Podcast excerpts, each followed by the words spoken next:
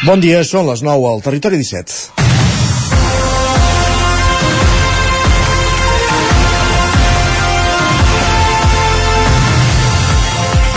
Desconvocada temporalment la vaga a la Fundació MAP de Ripoll després d'assolir un punt de partida en les negociacions. La notícia saltava ahir a la tarda després de la mediació durant 6 hores a la Inspecció de Treball de Girona. La setmana passada, la secció sindical de la Intersindical, majoritària al comitè d'empresa amb 8 dels 13 delegats, anunciava mobilitzacions cada dimecres a partir de demà. A través de la mediació s'ha arribat a un punt de partida per continuar negociant a partir de 5 punts.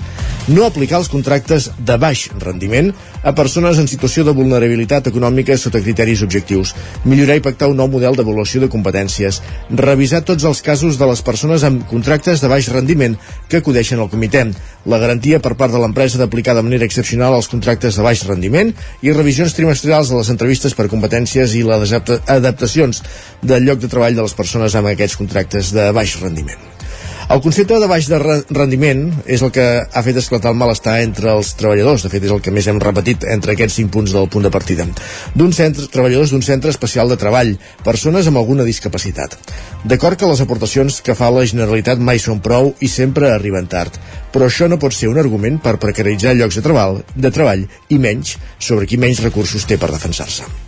És dimarts, 30 de gener de 2024, en el moment de començar el Territori 17 a la sintonia de la veu de Sant Joan, Ona Codinenca, Ràdio Cardedeu, Ràdio Vic, el 9 FM, ens podeu veure també a través de Twitch, YouTube, Televisió de Cardedeu, el 9 TV i la xarxa més. Territori 17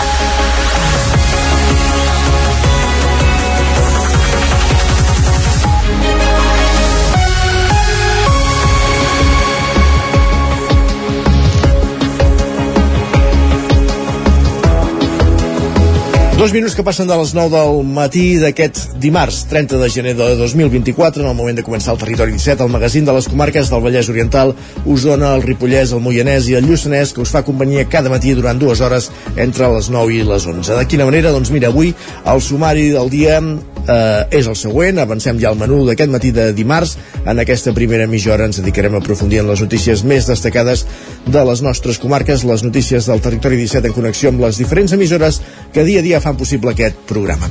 També farem un cop d'ull al cel amb el nostre home del temps, en Pep Acosta, que ens portarà, que ens portarà a l'antena la previsió per les properes hores i també farem un repàs de com ha anat, com ha evolucionat meteorològicament eh, la setmana acte seguit anirem fins al quiosc amb en Sergi Vives per repassar quines són les portades dels diaris del matí d'avui dimarts 30 de gener. A partir de dos quarts de deu pugem al tren a la Trenc d'Alba amb l'Isaac Muntades recollint les cròniques dels oferts usuaris de la línia de tren Barcelona-Granollers Vic Ripoll Puigcerdà. En aquest compte enrere fins diumenge quan es restablirà tot el servei ferroviari després d'aquests tres mesos llargs d'obres entre Parets i la Garriga. Obres, val a dir-ho en positiu perquè són obres per l'anhelat desdoblament de la línia. Més qüestions, acte seguit anirem fins a... ens quedarem a la veu de Sant Joan, però amb en Joan Garcia eh, abordar l'entrevista. Avui parla eh, una de les fundadores de la cooperativa eh, d'inclusió social d'habitatge Clusip que s'implantarà al Ripollès i una, i una d'elles, una de les fundadores és la Laura Ayala, amb qui conversa avui a Joan Garcia a l'entrevista. I acte seguit, com cada matí, sortirem a l'exterior i ho farem fins al Vallès Oriental, anirem fins a Sant, Sant Pere de Vilamajor. L'Enric Rubio conversa amb l'Higini Herrero per parlar de l'estat de les obres de la Torre Roja, de Sant Pere de Vilamajor. Amb ells arribarem fins al punt de les 10, les 10 notícies, la previsió del temps i a la secció d'Economia, com cada dimarts, avui amb en Joan Carles Arredondo, el cap d'Economia del 9-9 del Vallès Oriental, parlant de turisme i de com l'escalfament global li juguen contra si no es prenen mesures. Uh, de fet, uh, és evident, eh? cada cop fa més calor, això pot portar turisme de platja, però també fa que la, els estius a vegades siguin insuportables a, a casa nostra i això pot jugar en contra. El turisme, lògicament, aquesta és una primera idea que es ve al cap, segur que en Joan, eh, que en Joan Carles Arredondo ho té molt més treballat. I parlarem, com dèiem, a partir d'un quart d'onze del matí Acte seguit a dos quarts d'onze a la darrera mitja hora del programa ens endinsem a X, a Twitter, la xarxa social que repassa cada dia en Guillem Sánchez i acabarem el programa amb el podcast El racó de pensar i avui amb la segona part del tema que vam abordar la setmana passada. Avui Maria López ens porta el dolor, segona part. El podcast El racó de pensar per tancar el territori 17 d'avui, dimarts 30 de gener de 2024, que ara comença, com cada matí, repassant, aprofundint les notícies més destacades de les nostres comarques, les notícies del territori 17, que són les notícies del Vallès Oriental, Osona, el Ripollès, el Moianès i el Lluçanès. Territori 17.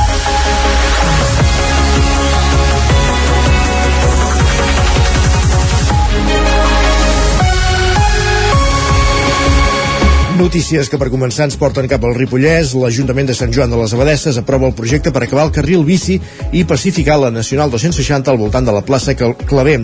Isaac Muntades, la veu de Sant Joan. En els darrers dies, l'Ajuntament de Sant Joan de les Abadeses ha fet l'aprovació inicial del projecte d'acabament del carril bici i la pacificació de la Nacional 260 al voltant de la plaça Claver. L'alcalde de Moviment d'Esquerra, Ramon Roquer, va recordar que hi ha un primer projecte en què compten amb una subvenció d'uns 150.000 euros de finançament que prové provenen íntegrament del Servei Català de Trànsit. Amb aquests diners es farà l'actuació de millora de la part del carrer Ramon Dur, compresa entre el carrer Sant Pol i el bar L'Animalada, un tram d'uns 100 metres aproximadament. Després hi ha un segon projecte vinculat al DUS 5.000 de més de 200.000 euros, que és un programa que permetrà aconseguir la pacificació del centre urbà. Així ho explicava el Vall de Sant Joaní. En què ja farem el que és la reurbanització o que seria un paviment dur a través de pedra en tota la part esquerra i per tant façana d'aquesta part de carrer i també plaça del Sant Claver. La voluntat és arranjar tot l'entorn d'aquesta plaça. De fet, amb aquests dos projectes ja farem una part important i després en vindrà un altre de projecte properament, en un parell de mesos, que aquest afectarà la Nacional i també doncs, aquesta part dreta de la plaça Clavé. Fa un parell de setmanes el consistori va fer una reunió amb els veïns de la plaça Clavé que van poder conèixer de primera mà com seria el projecte que, segons la percepció de l'alcalde, va agradar força en el seu conjunt. I, de fet, les persones que viuen en aquella zona estaven contentes que tirés endavant. L'alcalde apuntava que aquestes millores ajuden a modernitzar l'espai públic i l'entorn urbà. De fet, recordava que aquest tipus de projectes serveixen per millorar la mobilitat. Sempre quan parlem de pacificació a vegades ens oblidem del tema barreres arquitectòniques i precisament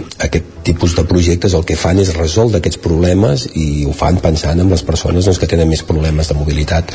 Per tant, jo crec que aquest tipus de projectes però sí que van a la línia de mantenir un, un sol nivell o el carrer amb la plaça en què treu totes les barreres, facilita l'accessibilitat i per tant fa millorar tot aquell entorn, sobretot per les persones i pel passeig al gaudi de les persones, les famílies i els nens. Roquer va establir un calendari de les obres i està força convençut que començaran entre els mesos d'abril i maig. A l'estiu ja hi haurà una part acabada i a finals del 2024 haurien d'estar enllestides. També va recordar que hi ha altres actuacions en marxa gràcies al programa d'U 5000 com les actuacions de millora als carrers de la Vila Vella o aquells projectes vinculats a l'Avinguda i al Passeig Comte Guifré, als Quatre Jardins o al Pont de la Plana.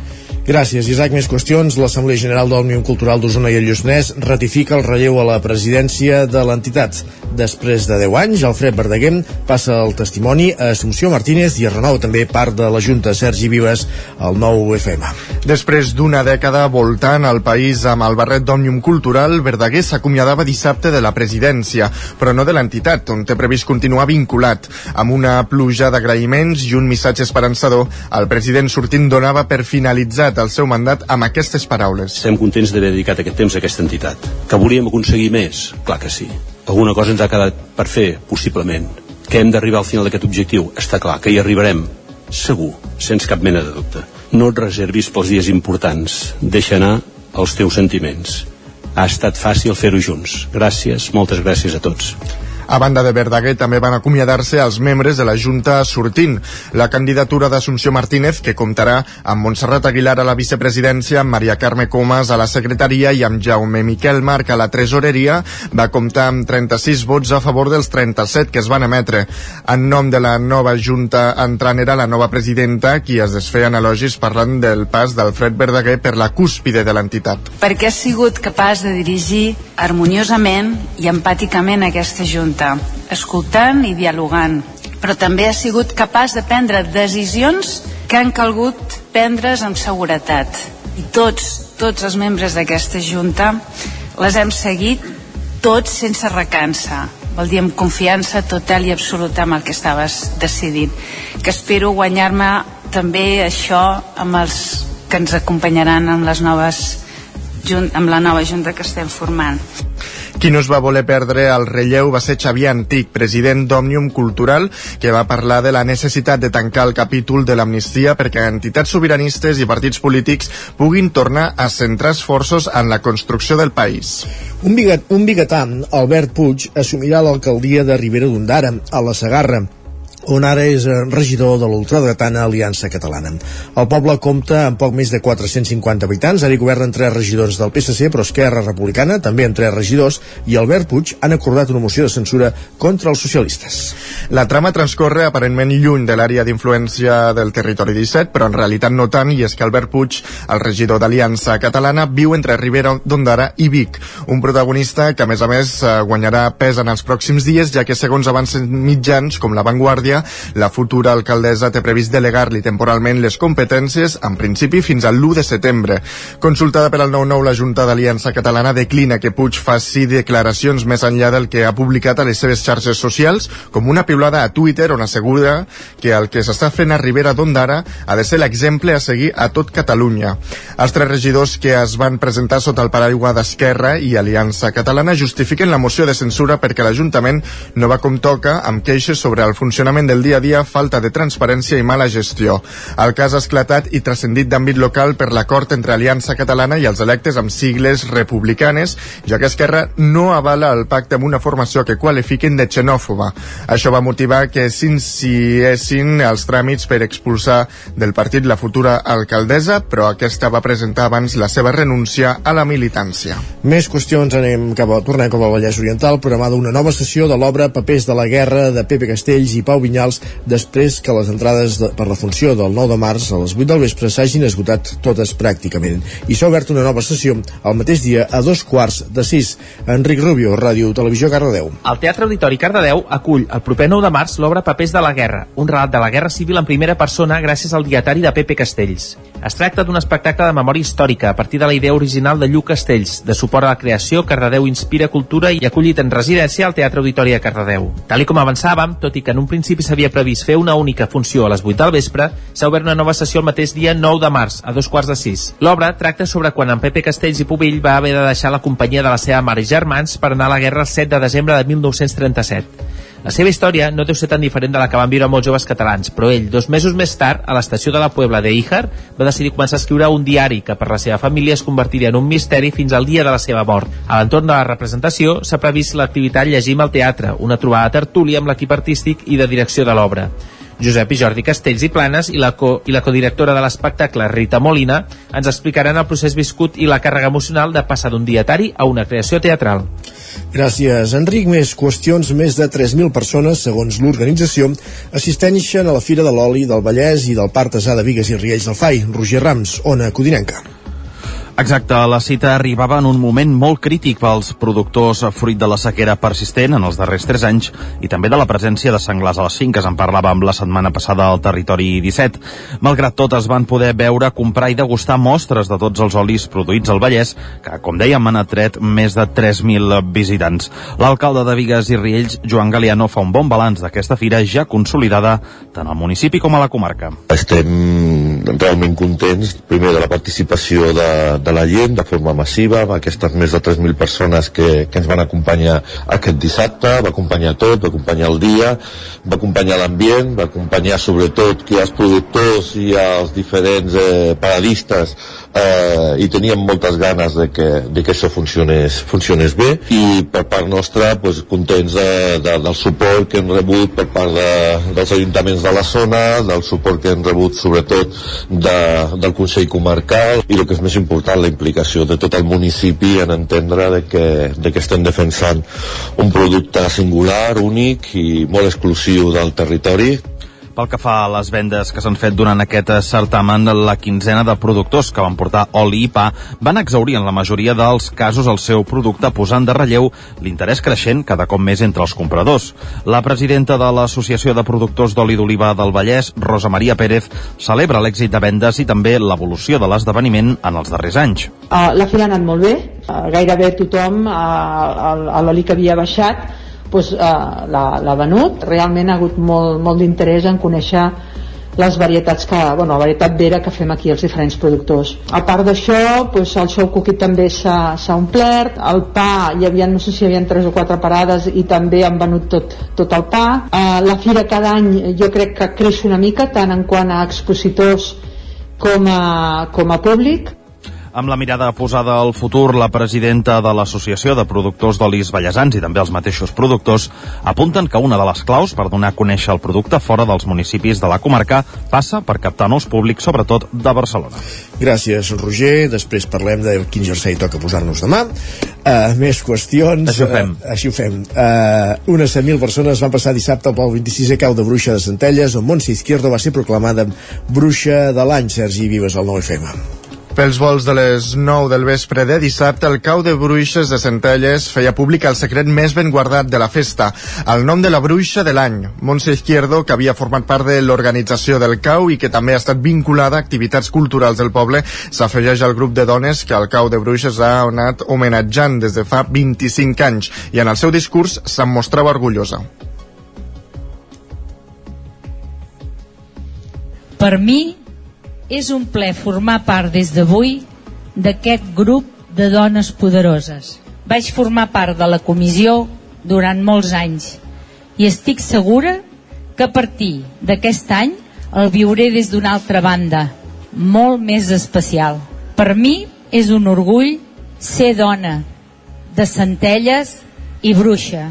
La proclamació de la bruixa de l'any era el moment culminant de la jornada central del cau de bruixes, que havia començat al matí i que des de primera hora va comptar amb una gran afluència de públic. La festa va tornar a demostrar el seu poder d'atracció de públic de la comarca, però també de fora.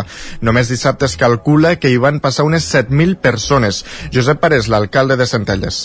Lo important és que ha anat creixent de forma ordenada i any rere any doncs, s'ha anat veient doncs, que era una festa que tenia potencial, s'ha establert molt bé el que es volia i el que no, no es volia, i per tant a dia d'avui amb el que dèiem, amb vessant cultural, l'econòmica i, i l'esotèrica ben tractada, ben treballada cada una doncs, amb una oferta molt interessant, siguin rituals, siguin persones doncs, que s'ho estimen i ho fan amb molt respecte, doncs és el que ha permès doncs, que gent de, de l'entorn, amics, veïns, familiars, doncs hagin anat venint a Centelles, hagin disfrutat d'aquest cau de bruixes i l'any següent hagin volgut tornar i després del cau de bruixes, la setmana que ve Centelles capitalitzarà el primer cap de setmana de Carnavals a Osona. I aquest cap de setmana ha estat el tercer també en festes dels tonis a la comarca, en aquesta ocasió amb el 135è passant dels tonis dels tres toms de Santa Eugènia de Berga, que com Taradell i Manlleu compta amb la credencial de festa tradicional d'interès nacional. Un nombrós públic va sortir diumenge al matí als carrers del poble per veure el seguici que encapçalava la policia muntada dels Mossos i aquí seguien els abanderats, que en aquest cas representant de les tres entitats més antigues del poble, la Comissió de Reis, la Joventut Esportiva Santa Eugènia i el grup de teatre. En total una quarantena de de carros, malgrat la dificultat de trobar animals per estirar-los. En parlava el president dels Tonis de Santa Eugènia, Lluís Cribilles. La majoria d'animals s'han de contractar i cada vegada és més difícil, bàsicament pel tema del canvi climàtic doncs que clar, el ferratge, la paia, tot és més car, no? I llavors s'ha encarit i la gent que té aquests animals se'ls hi, se hi fa més difícil. Són animals que pràcticament surten en passants i no fan gairebé res més en tot l'any, no? Llavors, clar, mantenir aquests, aquests animals doncs, eh, té un cost. El tema dels animals és una mica el problema potser del futur. La festa d'aquest cap de setmana era la primera des que s'ha fet l'inventari del material que forma part del patrimoni dels tonis. En total, 364 peces, entre les quals els carros. Tot plegat haurà de formar part del futur i reivindicat espai tonis. En parla l'alcalde Cristian Parras. Tenim el compromís de, de, de fer-lo. No volem que sigui un espai eh, nostàlgic de recordar com era, no? sinó que sigui un espai per poder-hi reflexionar d'on venim, on som ara i per què hi ha hagut aquests, aquests canvis. Villa Carmen seria, seria un, un, una ubicació ideal també perquè ja que és, és eh, municipal i, i a, a sota els, els baixos de, de la torre doncs, hi ha unes cavalleries. No està decidit, també en volem parlar, eh, volem consensuar amb, amb l'entitat. Un cop definit, l'Espai Tonis donarà més valor encara a una activitat que ja el 2011 va ser declarada festa tradicional d'interès nacional. Aquí acabem aquest repàs informatiu que començàvem al punt de les 9 en companyia de Sergi Vives, Isaac Muntades, Roger Rams i Enric Rubio. És moment al territori 17 de sentir també, d'escoltar també, de saludar també en Pep Acosta.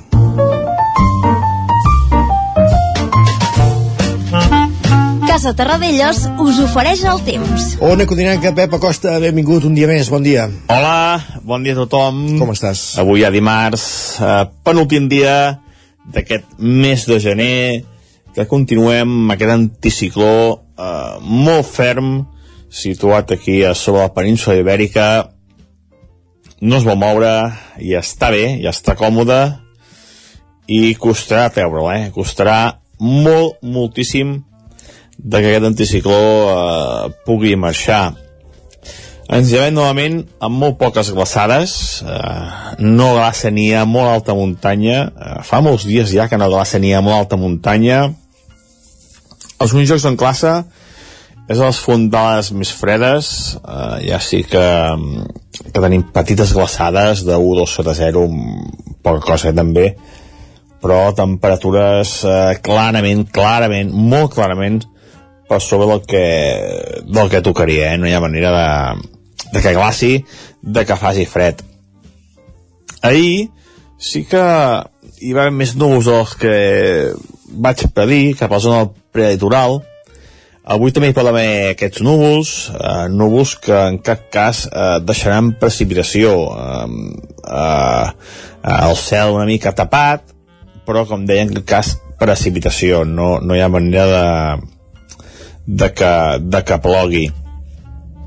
Uh, jo com deia això, eh, aquests núvols no seran per això tan, uh, tan espessos com els d'ahir, no n'hi haurà tants i n'hi haurà menys. O sigui, l'anticicló encara es fa una mica més fort i per tant seguim aquesta tònica de temps estable. Les temperatures màximes eh, pujaran una mica, eh, moltes, moltes màximes entre els, els 15, 17, 18 graus ahir vam tenir molts valors d'aquests migdies eh, força suaus eh, no fa la caloreta de la setmana passada però tampoc no fa fred ni de bon tros i eh, pocs canvis més pocs canvis més eh, vents molt febles eh, contaminació eh, i, i, i anticicló, anticicló que és el que, és el que tenim ja fa dies i el que tindrem tota, tota aquesta setmana Adéu, bon dia. Parlem d'aquí una estoneta, gràcies Pep, i ara el que fem és anar ràpidament cap, a, cap al quiosc. Casa Tarradellas us ha ofert aquest espai. Moment, com dèiem, d'anar cap al quiosc per repassar quines són les portades dels diaris del matí. Un exercici que ja ha fet en Sergi Vives i que ara ens porta l'antena. Sergi, què diuen avui els diaris? Així és, doncs mira, començarem pel punt avui, que avui centra la seva portada amb la guerra dels 100 anys. Eh, diuen que el conflicte arabo-israelià atrau ara tots els focus amb la guerra de Gaza, però fa molts anys que s'arrossega i no s'hi veu cap sortida ni a curt ni a mitjà termini. Al seu interior ho repassen tot plegat a través d'un reportatge.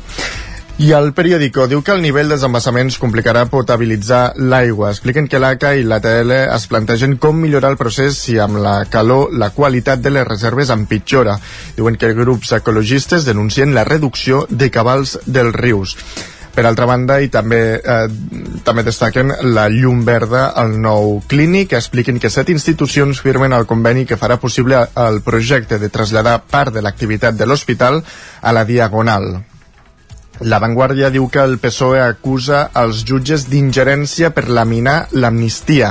Expliquen que el jutge Aguirre relata una possible alta traïció de Puigdemont, un, del, un delicte exclòs a la llei de perdó. déu nhi se li ha de reconèixer a aquest jutge i tot el seu entorn la capacitat d'inventiva que arriba sí, a tenir, eh? Sí, eh? és increïble.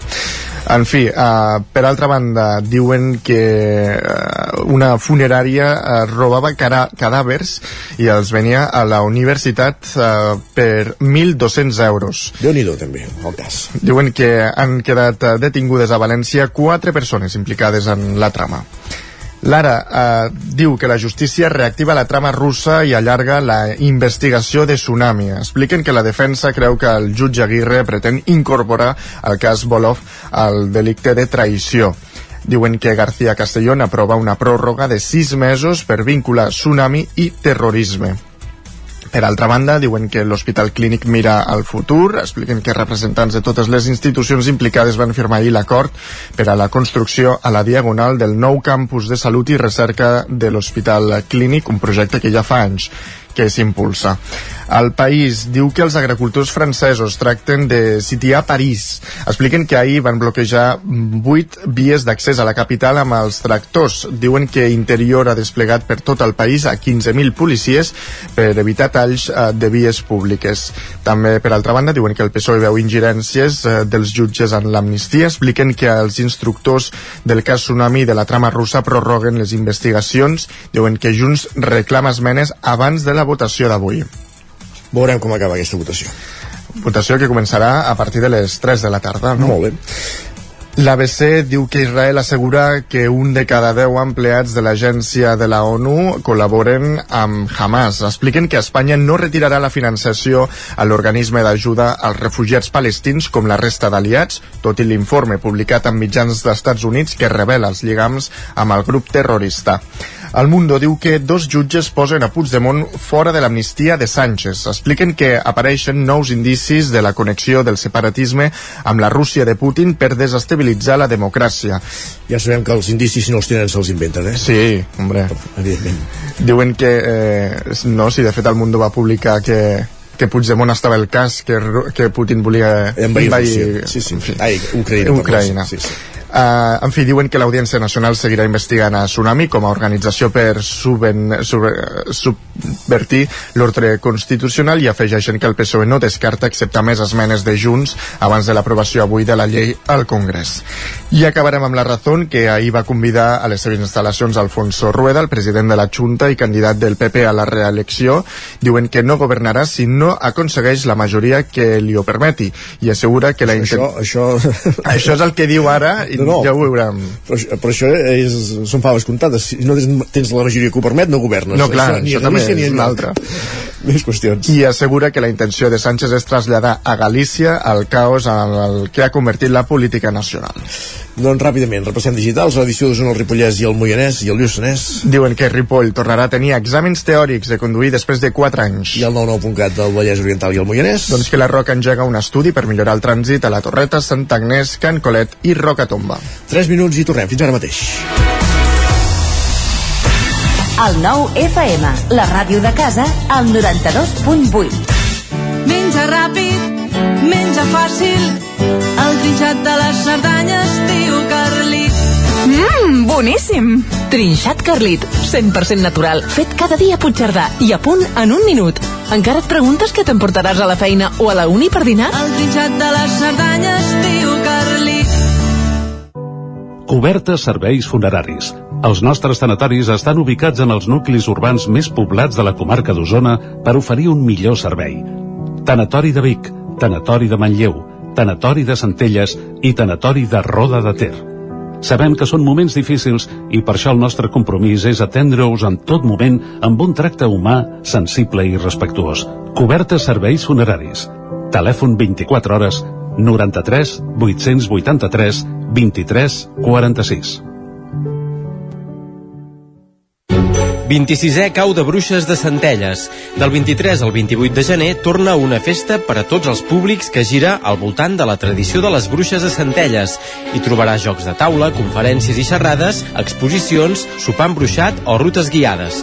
No hi faltarà el mercat màgic amb tarot, cartes astrals, bruixes i artesania o l'espectacle Cau de Foc.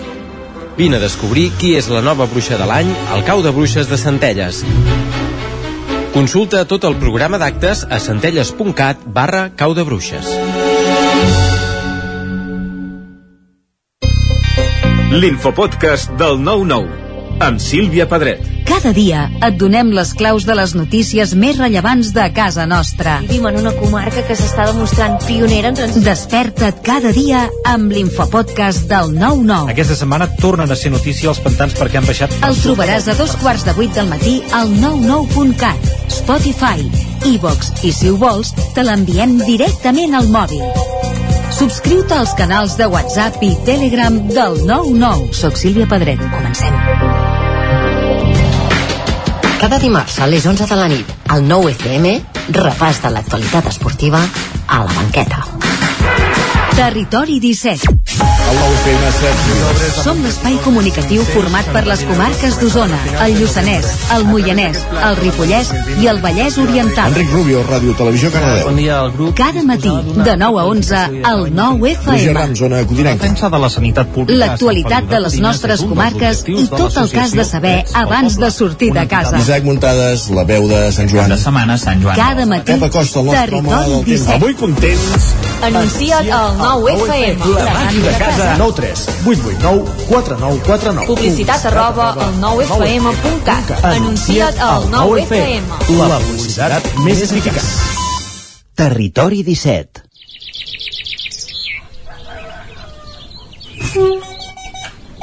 A Tren d'Alba. Cada dia els usuaris i usuàries de la línia R3 de Rodalies que veuen sortir el sol des d'un vagó ens expliquen les gràcies i les penes del primer comboi que uneix Ripoll i Barcelona o les feixugues jornades amb el tren després de treballar. Benvinguts a Tren d'Alba. Doncs després del tall de l'R3, que ha durat una mica més de 3 mesos des del 12 d'octubre entre Parets del Vallès i la Garriga pels treballs de millora de la línia, avui en Jordi Vall ja ens informa que tenen nous horaris disponibles a la pàgina web. Va, escoltem-lo, que ell també tenia ganes d'explicar-nos alguna cosa. Bon dia, sóc en Jordi de Centelles. Us trobava a faltar, la veritat. Habemus horaris. Ja sabeu que aquest diumenge, eh, però dilluns feiner, comença els nous horaris i comença a passar el tren amunt i avall una altra vegada. Contents per agafar el tren, tristos per perdre l'autobús directe, almenys els de Centelles i els d'Osona Sud. Hem guanyat ell, que de Centelles a Sagrera 40 minuts tela, eh? Ràpid, ràpid però lo normal és el tren que és més econòmic, que és més ecològic i plorem molt. Els viatges en principi sembla que s'han allargat aproximadament uns 5 minuts s'ha d'entendre. Eh, en 3 mesos no han pogut fer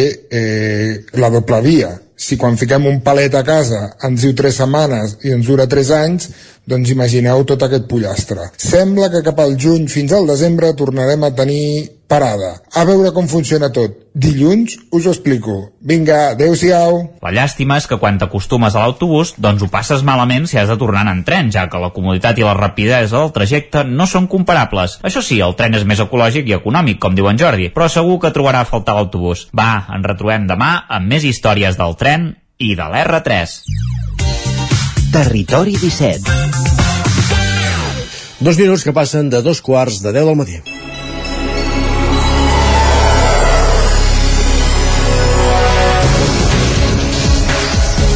Temps per l'entrevista al Territori 17, avui en companyia d'en Joan Garcia des de la veu de Sant Joan per parlar de Clusif, una cooperativa d'inclusió social d'habitatge que implementarà el seu projecte a la comarca, el Ripollès. I en parla amb una de les seves fundadores, la Laura Ayala. Joan Garcia, la veu de Sant Joan, benvinguts, bon dia. I a ningú se li escapa que la manca d'habitatge disponible per lloguer a un preu assequible és un greu problema per a les poblacions que ho pateixen. Cada cop eh, són més. Les afectacions són moltes, però una de les principals és que les persones, i sobretot joves, que s'hi volen quedar a viure i treballar al seu poble, molts cops no poden perquè un lloc on viure entre les propostes per pal·liar aquest problema o que ajudarien també a pal·liar aquest problema, aquest problema i hi ha Closif, una cooperativa d'inclusió social d'habitatge molt especial que aquest any implementaran el seu projecte al Ripollès. Tenim ja al telèfon a la Laura Ayala, una de les seves cofundadores. Hola, Laura. Hola, bon dia. Moltes gràcies per atendre'ns. A vosaltres. Primer de tot, Laura, la, la Closif té, té un vincle molt estret amb el Ripollès. Em sembla que la majoria dels membres sou d'aquí, no? Sí, nosaltres som tres cofundadors a la cooperativa i dos dels cofundadors som del Ripollès. Diem que, que la cooperativa és molt especial perquè Closif adreça com dues problemàtiques eh, a la vegada, la manca d'habitatge i la soledat sota un lema, habitatge, salut i inclusió. Explica'ns una mica què és Closif i, i quina és la proposta.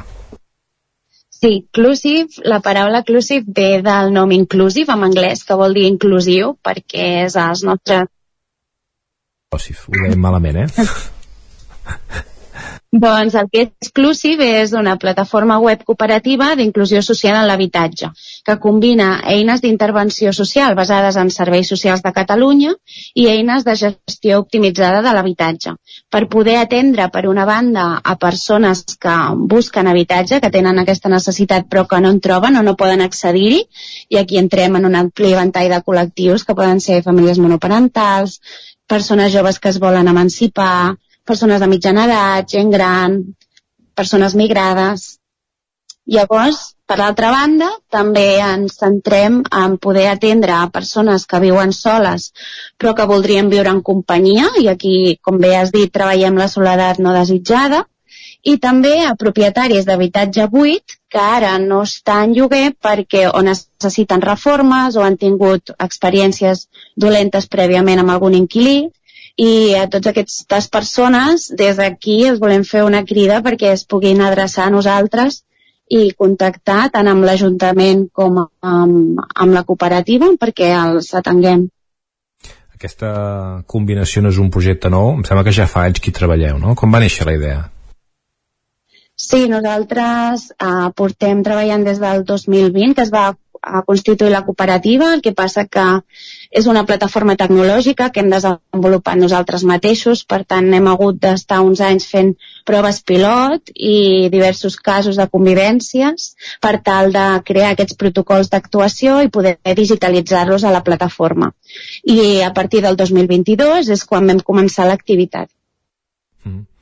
Uh, no sé si, si la, la part tècnica de moment és la més complicada o, o, o en la feina en el dia a dia, en aquest, en aquest procés que, que, que feu, que és el que us sol ser més complicat de, amb la vostra experiència? Doncs el més complicat és la gran complexitat de situacions que, en què es troben les persones. Una persona no pot accedir a un habitatge per un gran ventall de situacions i un cop hi accedeixen hi ha persones que no estan bé als habitatges per infrahabitatge, perquè no disposen de contracte, perquè hi ha abús d'autoritat. Llavors, um, també ens hem hagut d'anar trobant amb aquestes situacions per tal de crear protocols d'actuació i, i veure com fer aquest acompanyament i aquesta mediació perquè el nostre objectiu és millorar la qualitat de vida de les persones que tenem. I llavors haver d'anar trobant aquestes situacions i crear protocols per poder actuar d'una bona manera és, és el més complex no? de tot això. Mm. Explica'ns com, com funciona la pràctica. A través d'una web, una aplicació, quin és el procés? El que és la Clusive, eh, nosaltres um, estem proporcionant servei a tota la província de Girona. Llavors, qualsevol persona que pot accedir-hi mitjançant una plataforma web, una pàgina web, es poden registrar, crear el seu perfil i, i si no poden ens poden contactar a través del nostre telèfon. Però on hem enfocat la prova pilot amb els ajuntaments perquè l'objectiu és poder implementar aquesta tecnologia, aquesta plataforma perquè siguin els ajuntaments que puguin atendre aquesta ciutadania. Llavors, el que hem fet amb la, amb la prova pilot, el Ripollès, és que els ajuntaments de Can Davant o Ripoll i Sant Joan de les Abadeses puguin tenir un punt d'atenció perquè totes aquelles persones que no poden accedir mitjançant la plataforma web o perquè no saben ben bé com utilitzar-la, puguin adreçar-se físicament a aquests punts d'atenció i allà els informaran de tot el procés i se'ls ajudarà a registrar-se. Mm -hmm. Per tant, que entenc que això, que la gent que, que ja tingui habilitat o coneixements doncs ho pot fer directament les d'entrada, que cada ajuntament tindrà la seva web, diguem, i cada ciutadà es pot adreçar a la web de l'Ajuntament per poder-se registrar, en el cas que ho vulguin fer ells mateixos. I si doncs, tenen dificultats o volen un acompanyament, doncs algú de l'Ajuntament els atendrà. Sí, exacte. Això entenc per la gent que estigui buscant un lloc per viure, però també la gent que, que tingui un, això, un, un pis o una habitació que, que vulgui llogar pas. Volem atendre tant a les persones que busquen com les persones que disposen d'habitatge o que viuen soles i disposarien d'una habitació lliure per llogar, però que això volen fer-ho amb seguretat, amb garanties, amb un acompanyament, i això és el que els volem proporcionar. Em sembla que feu entrevistes a les dues parts per ja saber de primera si, si encaixarien els perfils, no?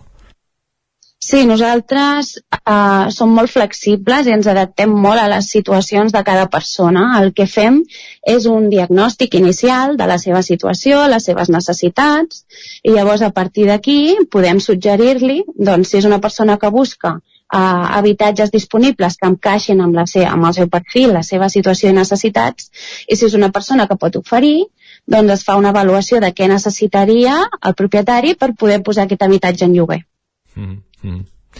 Entenc això, eh, que, que, que, que hi poden haver-hi casos, casos de d'èxit i entenc això que pel que comentaves també pot, us podeu trobar doncs des de propietaris que no respecten gaire els drets no, del, dels, de, de la gent que viu als seus pisos com, com del contrari, gent que, que porta problemes. Entenc que no, no, és, no ha de ser una gestió fàcil, no?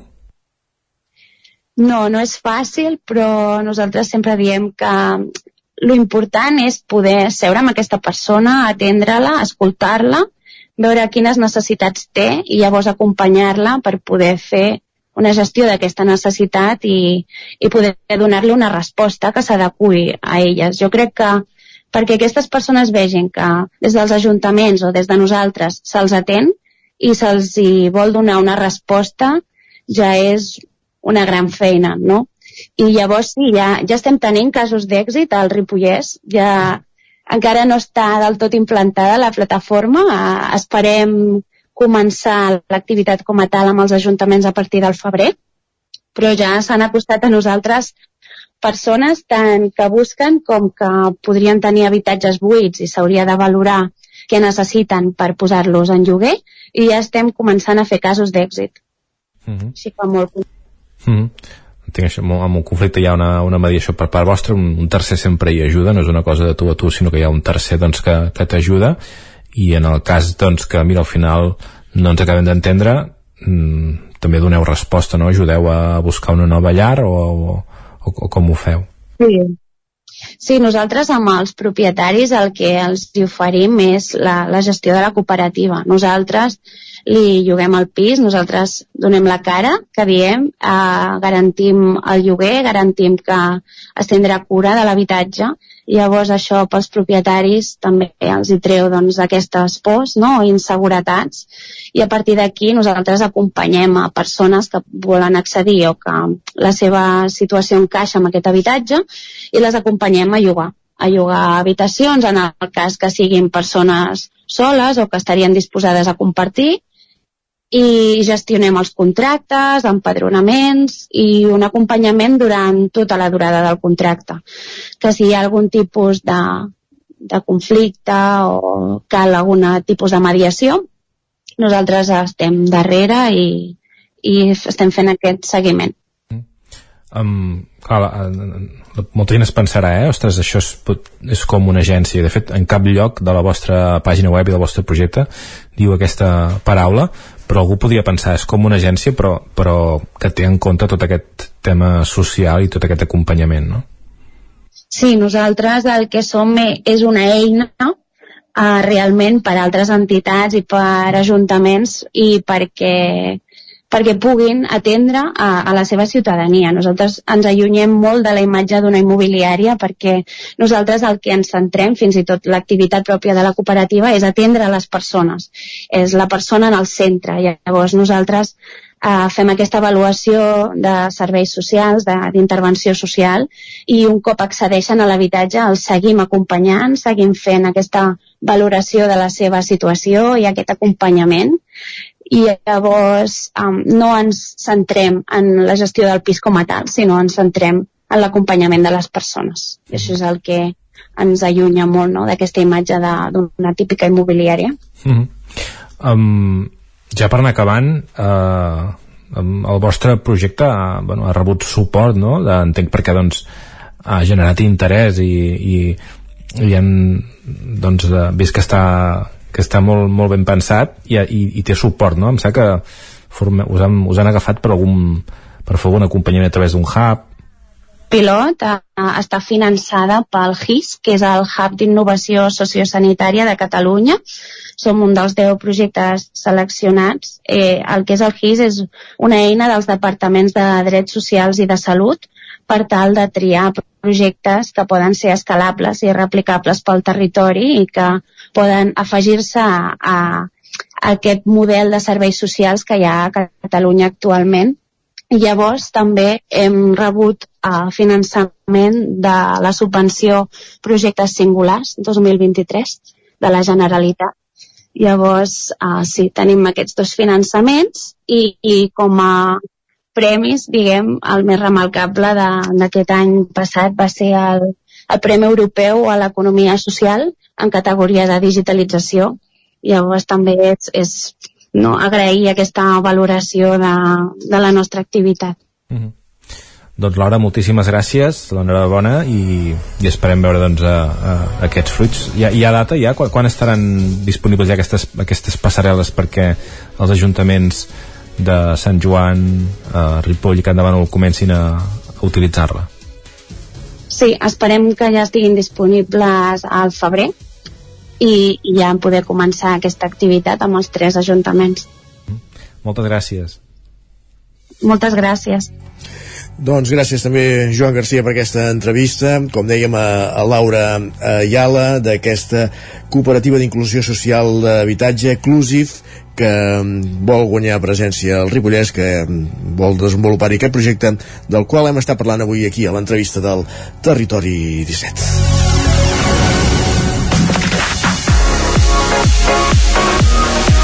Territori 17 Tres quarts de deu del matí serà moment de sortir al carrer.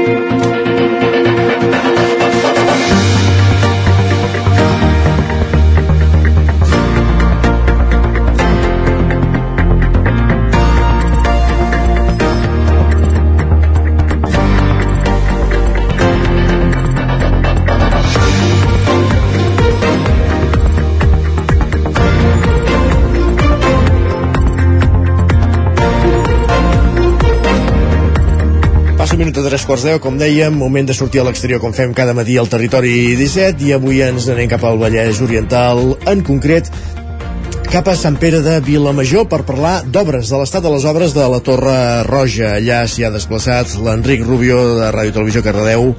Enric, bon dia. Hola Isaac, què tal? Bon dia de nou. Em rebeu bé? Perfectament. Perfecte, doncs vinga, comencem. Avui m'he desplaçat, m'ha fet molta il·lusió desplaçar-me fins a Sant Pere de Vilamajor, a uns 7 quilòmetres de Cardedeu,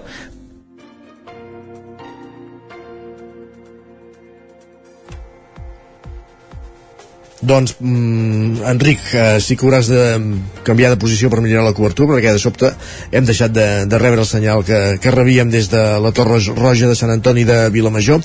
Eh, intentem recuperar aquesta connexió amb l'Enric Rubio des de Ràdio Televisió Cardedeu i, i reprenem el, el fil de, de la conversa des de la Torre Roja de, de Sant Antoni. Uh, intentem, com dèiem, recuperar aquesta comunicació perquè el que volem és saber l'estat de, de les obres de, de reconstrucció d'aquesta torre roja. Uh, intentem, com dèiem, restablir la comunicació amb l'Enric Rubio que està allà desplaçat a, des de Ràdio Televisió Cardedeu.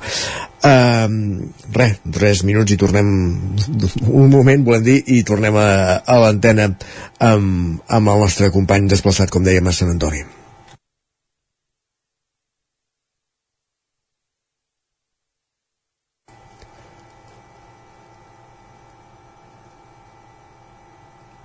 Dos minuts i mig que falten per les 10 del matí. Mentre ens recuperem aquesta comunicació, eh, el que fem és, de seguida, és posar-hi música. Mentrestant, eh, abans no recuperem la comunicació amb l'Enric Rubio des de, de Ràdio Regió Cardedeu, que com dèiem és a, a Sant Antoni de Vilamajor, i ho farem amb música de, del Ginestar, que acaben de publicar un nou senzill, La meva sort. Estimat sense estimar-me però és preciós enamorar-se. M'he cosit la pell del cor, he sobreviscut l'amor.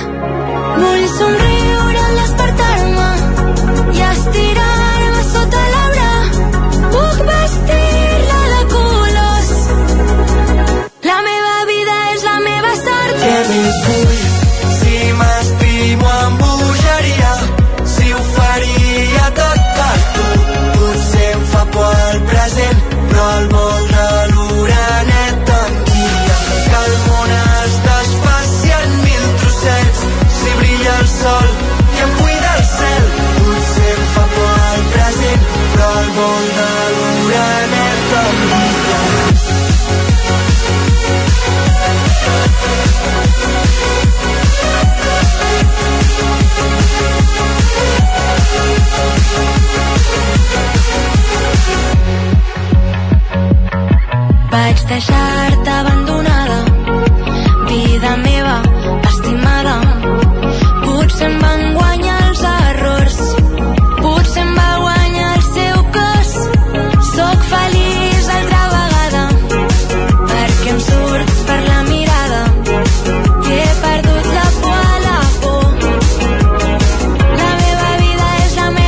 Sembla que ara sí que tornem a recuperar l'Enric Rubió de Ràdio Televisió Cardedeu eh, des de Sant Antoni de Vilamajor. Enric, tornes a ser aquí?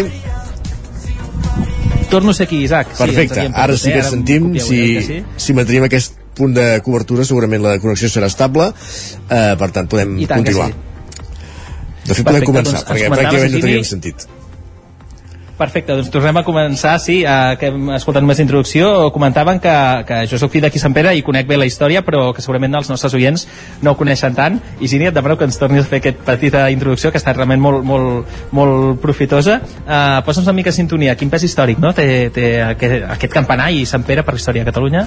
Doncs ens hem de remuntar a l'època de, de Guifil Pilós, encarrega la seva filla, l'abadessa Emma, que repobli tota aquesta part del Vallès, i porta tot de famílies del, del, de Ripoll a repoblar tot això i decideix construir una nova església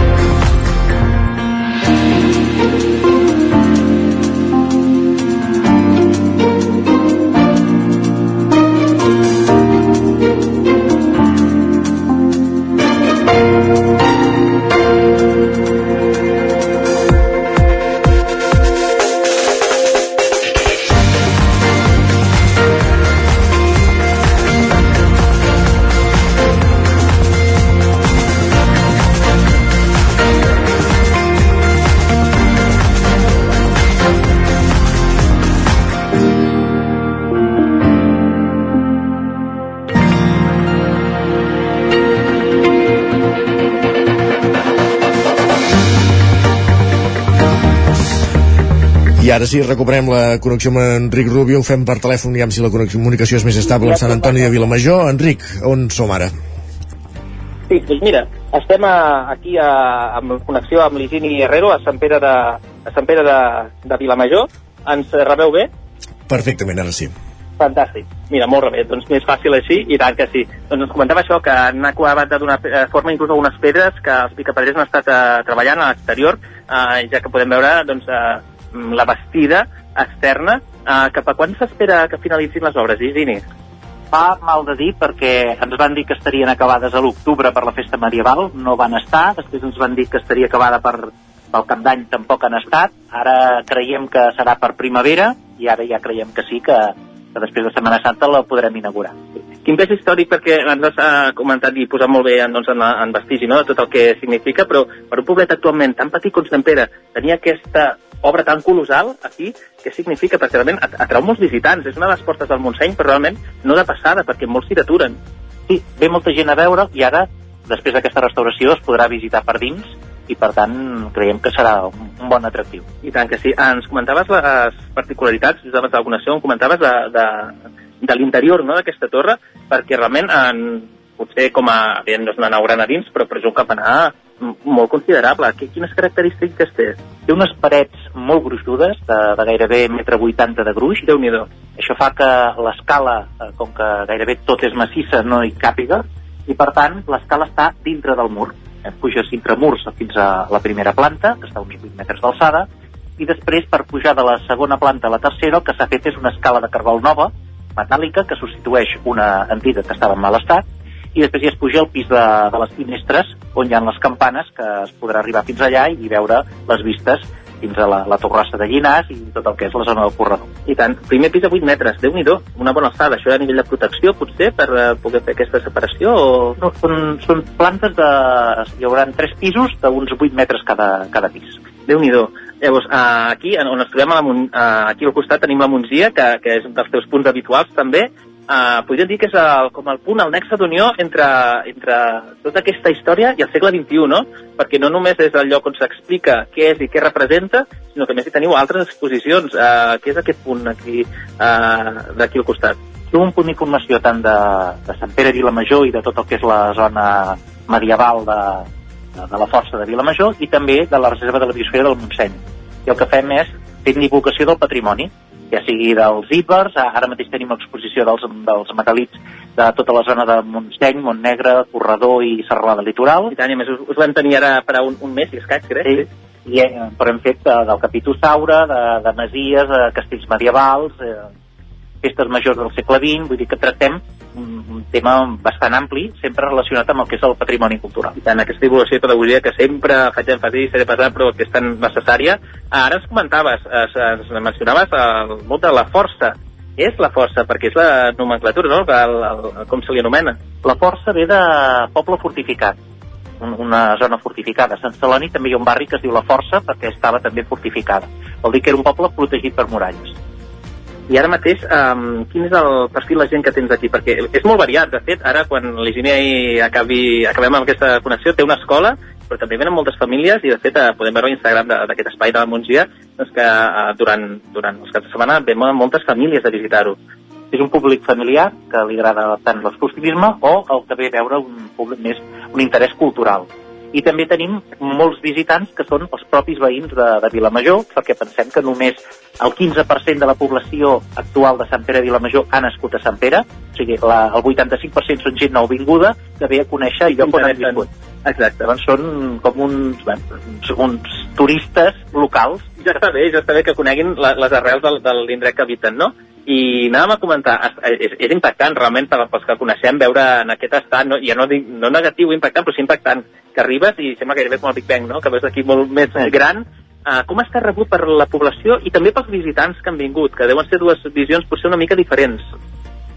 Bé, és molt positiva, sobretot per la, les ganes de poder tornar. El mal estat de la torre feia que feia molts anys que no es podia visitar per dins i molta gent té ganes de visitar, perquè la, la Torre Roja és l'element emblemàtic del municipi i poder-lo visitar dins doncs és una cosa que tothom està esperant està esperant que ja arribi la primavera per poder començar les visites I tant que sí, i vindrem i, i realment en, en, en tenim moltes ganes. Uh, estava realment crític, no?, la, la part interna, vull dir, estava mm, malament, malament, o...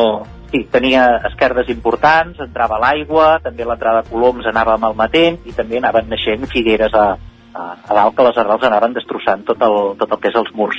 I tant. I ara estem parlant, avui ens hem centrat en la Torre Roja eh, per les obres, però l'església en si, no?, que és, que és eh, com, com està, com es troba, quin és el seu estat, perquè està, bé, mm, molt operativa, però com es troba, sí que va tenir, no?, doncs un petit greuge també, no sé si va ser Glòria o m'equivoco. Amb el Glòria es va ensorrar un tros de la teulada, que ja, ja està restaurat, i ara hi fem les visites cada setmana, eh, amb tota la restauració que es va fer als anys 90 del Centre d'Art La Rectoria, eh, i, i bueno, aquestes visites les anem fent regularment cada cap de setmana, i estem oberts els matins de dissabtes i diumenges, i tothom que ve pot, pot fer la visita.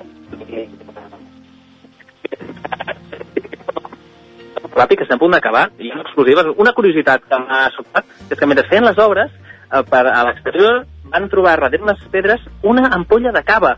uh, això ni, ni Tom Hanks de nàufrag, eh? És a dir, explica'ns una miqueta això, que és molt curiós. Sí, els paletes que estaven restaurant la part exterior, doncs just a mitja alçada, on només s'hi pot arribar amb una vestida, doncs darrere d'una d'aquestes pedres hi havia amagada una ampolla de cava. Eh, per tant, aquesta ampolla només es va poder posar el 1929, que va ser l'última vegada que es va restaurar la torre. És una ampolla buida, eh, tapada amb un tap de suro, però sense cap etiqueta. Sí que té el cul és gruixut, com les ampolles antigues, i esperem que amb alguna entesa en cava ens pugui dir si amb la tipologia de l'ampolla ens pot dir de, de quina de quina marca devia ser aquesta ampolla. Devia ser com la versió actual de si algun mm, algun paleta ara fes la broma de deixar una, una llauna de Red Bull amagada Exacte, sí, sí, sí, és amb el que tiraven, eh, en cava, abans. Sí. No hi havia missatge, no hi havia cava dins, eh? No, no, no, no ni, ni missatge ni, ni cava. I que se la van veure abans de posar-la. Ja ho has vist, Isaac, eh? Uh, van forts aquí a Sant Pere, inclús el, el 29, eh? Uh, I tant. Les Bé, coses ja, ara, amb l'Higini, eh, crec que ens ha explicat molt àmpliament doncs, com està Torroja, tenim ganes de veure De fet, ara, ara, ara hi anirem a veure més a prop, us enviarem alguna foto que penjarem a xarxes socials perquè pugueu, pugueu veure, les del T17. No sé si, Isaac, volies preguntar-li alguna cosa per acabar. No, no, ha quedat molt clar. Moltes gràcies, Enric. Perfecte, a reveure, moltíssimes gràcies. Bon dia. Gràcies.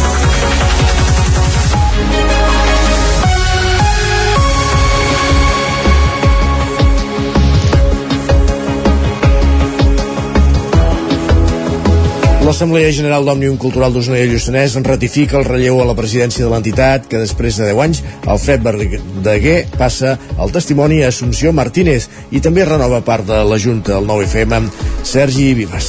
Després d'una dècada voltant al país amb el barret d'Òmnium Cultural, Verdaguer s'acomiadava dissabte de la presidència, però no de l'entitat on té previst continuar vinculat. Amb una pluja d'agraïments i un missatge esperançador, el president sortint donava per finalitzat el seu mandat amb aquestes paraules. Estem contents d'haver dedicat aquest temps a aquesta entitat. Que volíem aconseguir més? Clar que sí. Alguna cosa ens ha quedat per fer, possiblement. Que hem d'arribar al final d'aquest objectiu? Està clar, que hi arribarem. Segur, sense cap mena de dubte. No et reservis pels dies importants. Deixa anar els teus sentiments. Ha estat fàcil fer-ho junts. Gràcies, moltes gràcies a tots. A banda de Verdaguer, també van acomiadar-se els membres de la Junta sortint. La candidatura d'Assumpció Martínez, que comptarà amb Montserrat Aguilar a la vicepresidència, amb Maria Carme Comas a la secretaria i amb Jaume Miquel Marc a la tresoreria, va comptar amb 36 vots a favor dels 37 que es van emetre. En nom de la nova Junta entrant era la nova presidenta, qui es desfeia en elogis parlant del pas d'Alfred Verdaguer per la cúspide de l'entitat. perquè ha sigut capaç de dirigir harmoniosament i empàticament aquesta Junta, escoltant i dialogant, però també ha sigut capaç de prendre decisions que han calgut prendre's amb seguretat. I tots, tots els membres d'aquesta Junta les hem seguit tots sense recança, vol dir amb confiança total i absoluta amb el que estaves decidint, que espero guanyar-me també això amb els que ens acompanyaran amb les noves junt, amb la nova junta que estem formant. Qui no es va voler perdre el relleu va ser Xavier Antic, president d'Òmnium Cultural, que va parlar de la necessitat de tancar el capítol de l'amnistia perquè entitats sobiranistes i partits polítics puguin tornar a centrar esforços en la construcció del país. El biguetà Albert Puig assumirà l'alcaldia de Ribera d'Ondara, un poble de la Segarra, d'on ara és regidor pel partit ultradretà Aliança Catalana. El poble compta amb poc més de 450 habitants. Ara hi governen tres regidors del PSC, però Esquerra Republicana, també amb tres regidors, i Albert Puig han acordat una moció de censura contra els socialistes, Sergi. Així és, la trama transcorre aparentment lluny de l'àrea d'influència del territori 17, però en realitat no tant, i és que Albert Puig, el regidor d'Aliança Catalana, viu entre Ribera d'Ondara i Vic, un protagonista que a més a més guanyarà pes als pròxims dies, ja que, segons avances mitjans com La Vanguardia, la futura alcaldessa té previst delegar-li temporalment les competències, en principi, fins a l'1 de setembre. Consultada per al 9-9, la Junta d'Aliança Catalana declina que Puig faci declaracions més enllà del que ha publicat a les seves xarxes socials, com una piulada a Twitter, on assegura que el que s'està fent a Ribera d'Ondara ha de ser l'exemple a seguir a tot Catalunya. Els tres regidors que es van presentar sota el paraigua d'Esquerra i Aliança Catalana justifiquen la moció de censura perquè l'Ajuntament no va com toca amb queixes sobre el funcionament del dia a dia, falta de transparència i mala gestió. El cas ha esclatat i transcendit d'àmbit local per l'acord entre Aliança Catalana i els electes amb sigles republicanes, ja que Esquerra no avala el pacte amb una formació que qualifiquen de xenòfoba. Això va motivar que s'iniciessin els tràmits per expulsar del partit a la futura alcaldessa, però aquesta va presentar abans la seva renúncia a la militància.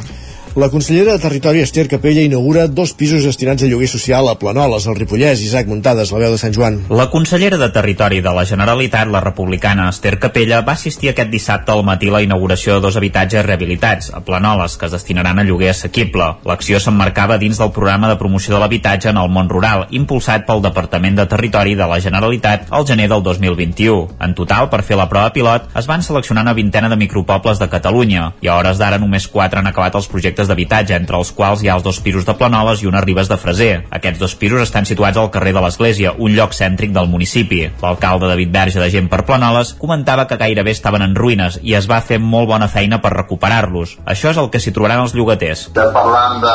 Sembla, sembla estar entre potser 50 metres quadrats més la part de garatge.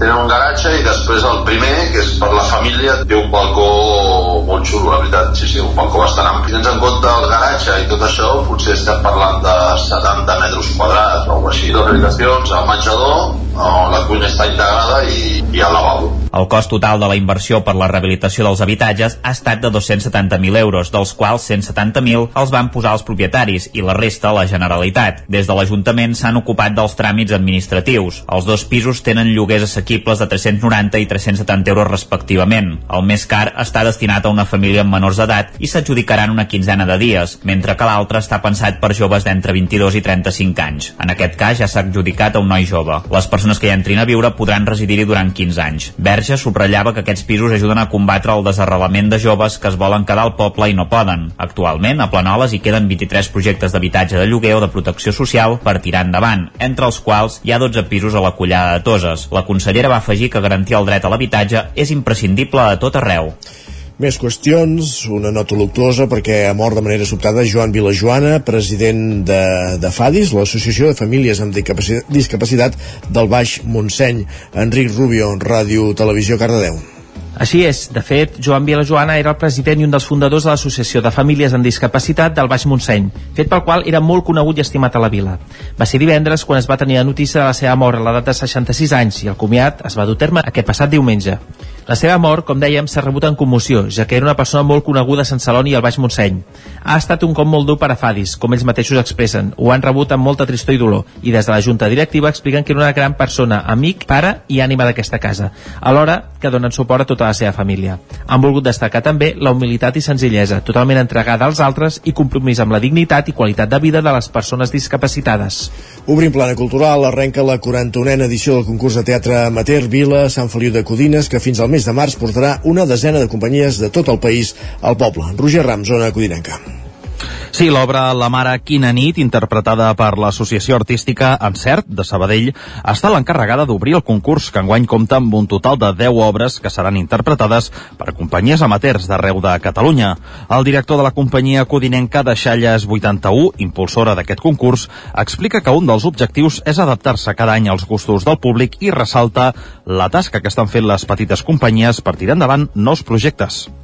Bueno, eh, és un concurs dels, que, dels més veterans dels que hi ha ara a Catalunya. Val, eh, clar, dius entres a la quarantena, 41ena, sembla que tingui de ser una cosa que, que ja sigui com molt establerta, com molt antiga, i no es va renovant contínuament. Quan el, el món del teatre amateur eh, aquests últims anys està fent també un canvi cap a, cap a la creativitat i cap, a les, obres, cap als espectacles diferents i amb els concursos també eh, intentem d'adaptar-nos i, de, i de fer coses que puguin agradar a tots els públics. Josep Canet apunta que l'altre objectiu clar d'aquesta edició és el d'aconseguir més públic a les obres alhora que es doni a conèixer el teatre entre els codinencs per tal que qui vulgui s'hi pugui sumar. Aquesta temporada doncs, volem, volem mirar a veure si pugem el, eh, el nivell de públic, a veure si, si, podem, si podem captivar més gent no? i que vingui més gent a, a veure'ns i intentar pujar també una mica de publicitat perquè se n'assabentifiquem, perquè clar, Sant Pau cada vegada creix més i, i, i cada vegada hi ha més gent, però a la vegada cada vegada hi ha menys gent que, que es mogui amb les entitats i per tant tant des del casal com des del grup de teatre com de, des de la majoria d'entitats que, que recolzem actes com aquest, doncs el que volem és això, que la gent que la gent es mogui, que la gent vegi que hi ha una vida cultural al poble. El concurs s'allargarà fins al proper 24 de març, dient que es lliuraran els premis i en què Deixalles 81 estrenarà el musical Cudam Club. Les entrades per a, tots, per a totes les representacions que es faran al Casal Codinenc tenen un preu únic de 6 euros pels socis i 7 pels no socis, o bé es poden comprar abonaments per veure totes les obres a preus d'entre 49 i 56 euros. Gràcies, Roger. Més qüestions. Unes 7.000 persones passen pel 26è cau de bruixes de Centelles, on Montse Izquierdo és proclamada bruixa de l'any, Sergi. Així és pels vols de les 9 del vespre de dissabte, el cau de bruixes de Centelles feia públic el secret més ben guardat de la festa, el nom de la bruixa de l'any. Montse Izquierdo, que havia format part de l'organització del cau i que també ha estat vinculada a activitats culturals del poble, s'afegeix al grup de dones que al cau de bruixes ha anat homenatjant des de fa 25 anys i en el seu discurs se'n mostrava orgullosa. Per mi és un ple formar part des d'avui d'aquest grup de dones poderoses. Vaig formar part de la comissió durant molts anys i estic segura que a partir d'aquest any el viuré des d'una altra banda, molt més especial. Per mi és un orgull ser dona de Centelles i bruixa. La proclamació de la bruixa de l'any era el moment culminant de la jornada central del Cau de Bruixes, que havia començat al matí i que des de primera hora va comptar amb una gran afluència de públic. La festa va tornar a demostrar el seu poder d'atracció de públic de la comarca, però també de fora. Només dissabte es calcula que hi van passar unes 7.000 persones. Josep Parés, l'alcalde de Centelles. Lo important és que ha anat creixent de forma ordenada i any rere any doncs, s'ha anat veient doncs, que era una festa que tenia potencial, s'ha establert molt bé el que es volia i el que no, no es volia, i per tant a dia d'avui amb el que dèiem, amb la vessant cultural, l'econòmica i, i l'esotèrica ben tractada, ben treballada cada una doncs, amb una oferta molt interessant, siguin rituals, siguin persones doncs, que s'ho estimen i ho fan amb molt respecte, doncs és el que ha permès doncs, que gent de, de l'entorn, amics, veïns, familiars, doncs hagin anat venint a Centelles, hagin disfrutat d'aquest cau de bruixes i l'any següent hagin volgut tornar i després del cau de bruixes, la setmana que ve Centelles capitalitzarà el primer cap de setmana de carnavals a Osona. Així serà, gràcies Sergi. Acabem aquí aquest repàs informatiu que començava amb el punt de les 10 en companyia de Sergi Vives, Isaac Muntades, Roger Rams i Enric Rubio. Moment de saludar també en Pep Acosta.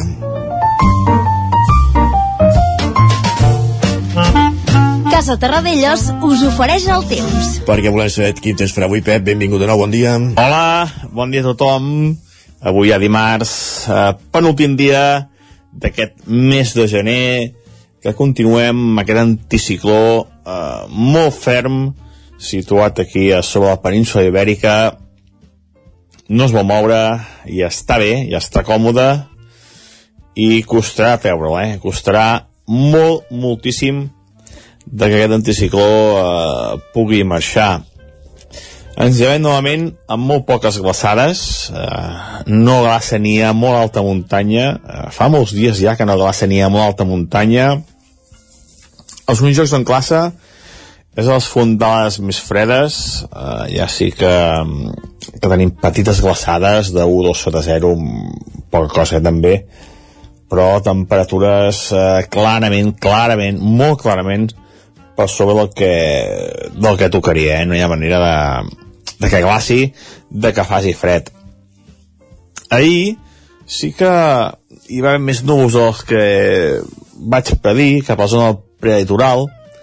Avui també hi pot haver aquests núvols, eh, núvols que en cap cas eh, deixaran precipitació. Eh, eh, el cel una mica tapat, però com deia en cap cas precipitació, no, no hi ha manera de, de que, de que plogui.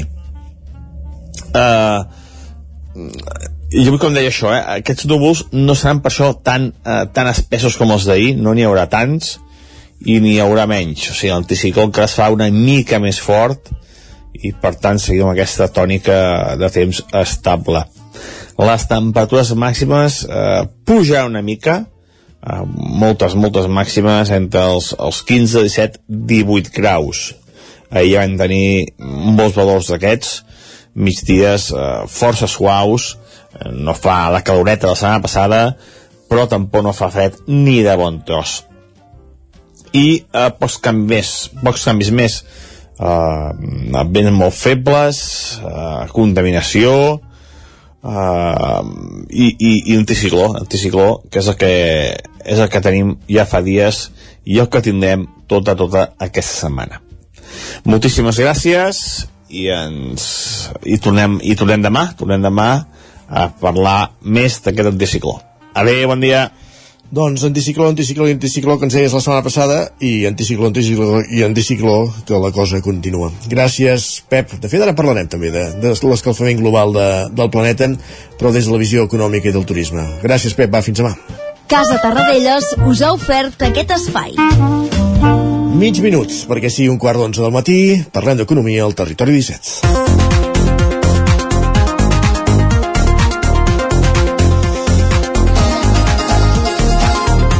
Com dèiem, turisme i de com l'escalfament global li juga en contra si no es prenen mesures. És el titular que ens aporta avui en Joan Carles Rodríguez, el cap d'Economia del 9-9 del Vallès Oriental, en Joan Carles Arredondo. Per, disculpeu, Joan Carles Rodríguez era abans el president del Consell Comarcal d'Osona i alcalde de Sant Julià de Vilatorta. Hem, el, el subconscient ens ha, ens ha fet una mala passada, Joan Carles, benvingut, bon dia i disculpa. Bon, bon dia, que em, veig que em pujaves de categoria. Està o bé. no, o, o, o. Uh, el... Home, sí, no, president del Consell Comarcal, deu estar bé. Està bé. Eh, pregu una pregunta, tu quan, quan decideixes un lloc on anar de vacances mires si fa molta calor o no? T'he de dir que els darrers anys he decidit anar cap al nord d'Europa. Amb això ja t'ho responc, em sembla. Sí, no, no, no, no ets l'únic i, pel, pel, i ara veurem que, que no estem sols tu i jo, eh? que jo també és una cosa, vull dir, moltes vegades m'ha tirat enrere de fer algun, algun viatge el fet de pensar que hi farà molta calor. Mm, mm, volíem parlar una mica d'alguns estudis eh, que últimament han sortit i que venen a corroborar que la dependència econòmica del, del sol i platja en el turisme sí. i del turisme en l'economia en general eh, acabaran comportant un problema. De fet, dependre, de, dependre del clima no acaba... És a dir, és, vol, vol dir també dependre de l'atzar, no?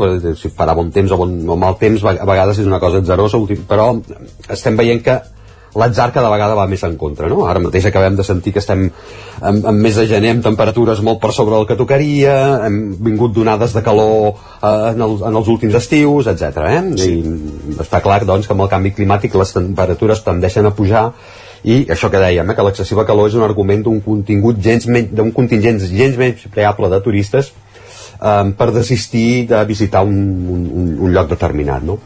Eh, algun estudi fins i tot quantifica aquest contingent Uh, per, per això deia, eh, no estem sols eh? amb un augment de temperatura que arribi a 3 graus respecte de la mitjana habitual eh? Uh, les costes mediterrànies del, de, de, de, per tant del sud d'Europa arribarien a perdre fins a un 10% de turistes en temporada alta aquella temporada en el qual els hotelers, restauradors i altres gremis relacionats amb el sector obtenen més ingressos perquè tenen més clients i a més eh, els, els, els collen més amb els preus. Uh -huh. Uh, una dada genèrica ajuda a entendre fins a quin punt aquesta fita seria greu. El turisme explica un 70% del creixement del producte interior brut, PIB pels amics, eh, ho dic perquè ara parlem tota l'estona PIB, sí. doncs això, um, un 70% del creixement del PIB a l'estat de 2023, un 70% prové del turisme. Dit d'una altra manera, sense el sector turístic, el PIB espanyol hauria crescut un 0,8% el 2023 en comptes del 2,4% que auguren les dades del Banc d'Espanya. No és pas poca cosa. Qualsevol alentiment que es produeix en el sector turístic, mm, sens, sens dubte, eh? qualsevol alentiment, potser després en parlarem més, potser hauríem... Aquesta dada no sé si diu diu molt bé mm, del turisme, però segurament molt malament de la resta de sectors econòmics i de com està muntada l'estructura econòmica del país. Eh? Però el que passa és que això, eh, que qualsevol alentiment que es produeixi en el sector turístic incidirà en el creixement econòmic en general si, com seria desitjable, no es comencen a fer esforços per reduir la dependència d'una activitat que representa el 12,8% de l'economia de l'Estat, un pes similar, per cert, al que té a Catalunya. Uh, L'alerta sobre el potencial sobre la potencial reducció del turisme en un 10% en cas de, de pujada extrema de les temperatures no seria un fenomen estrany si es tenen en compte les onades de calor dels últims estius.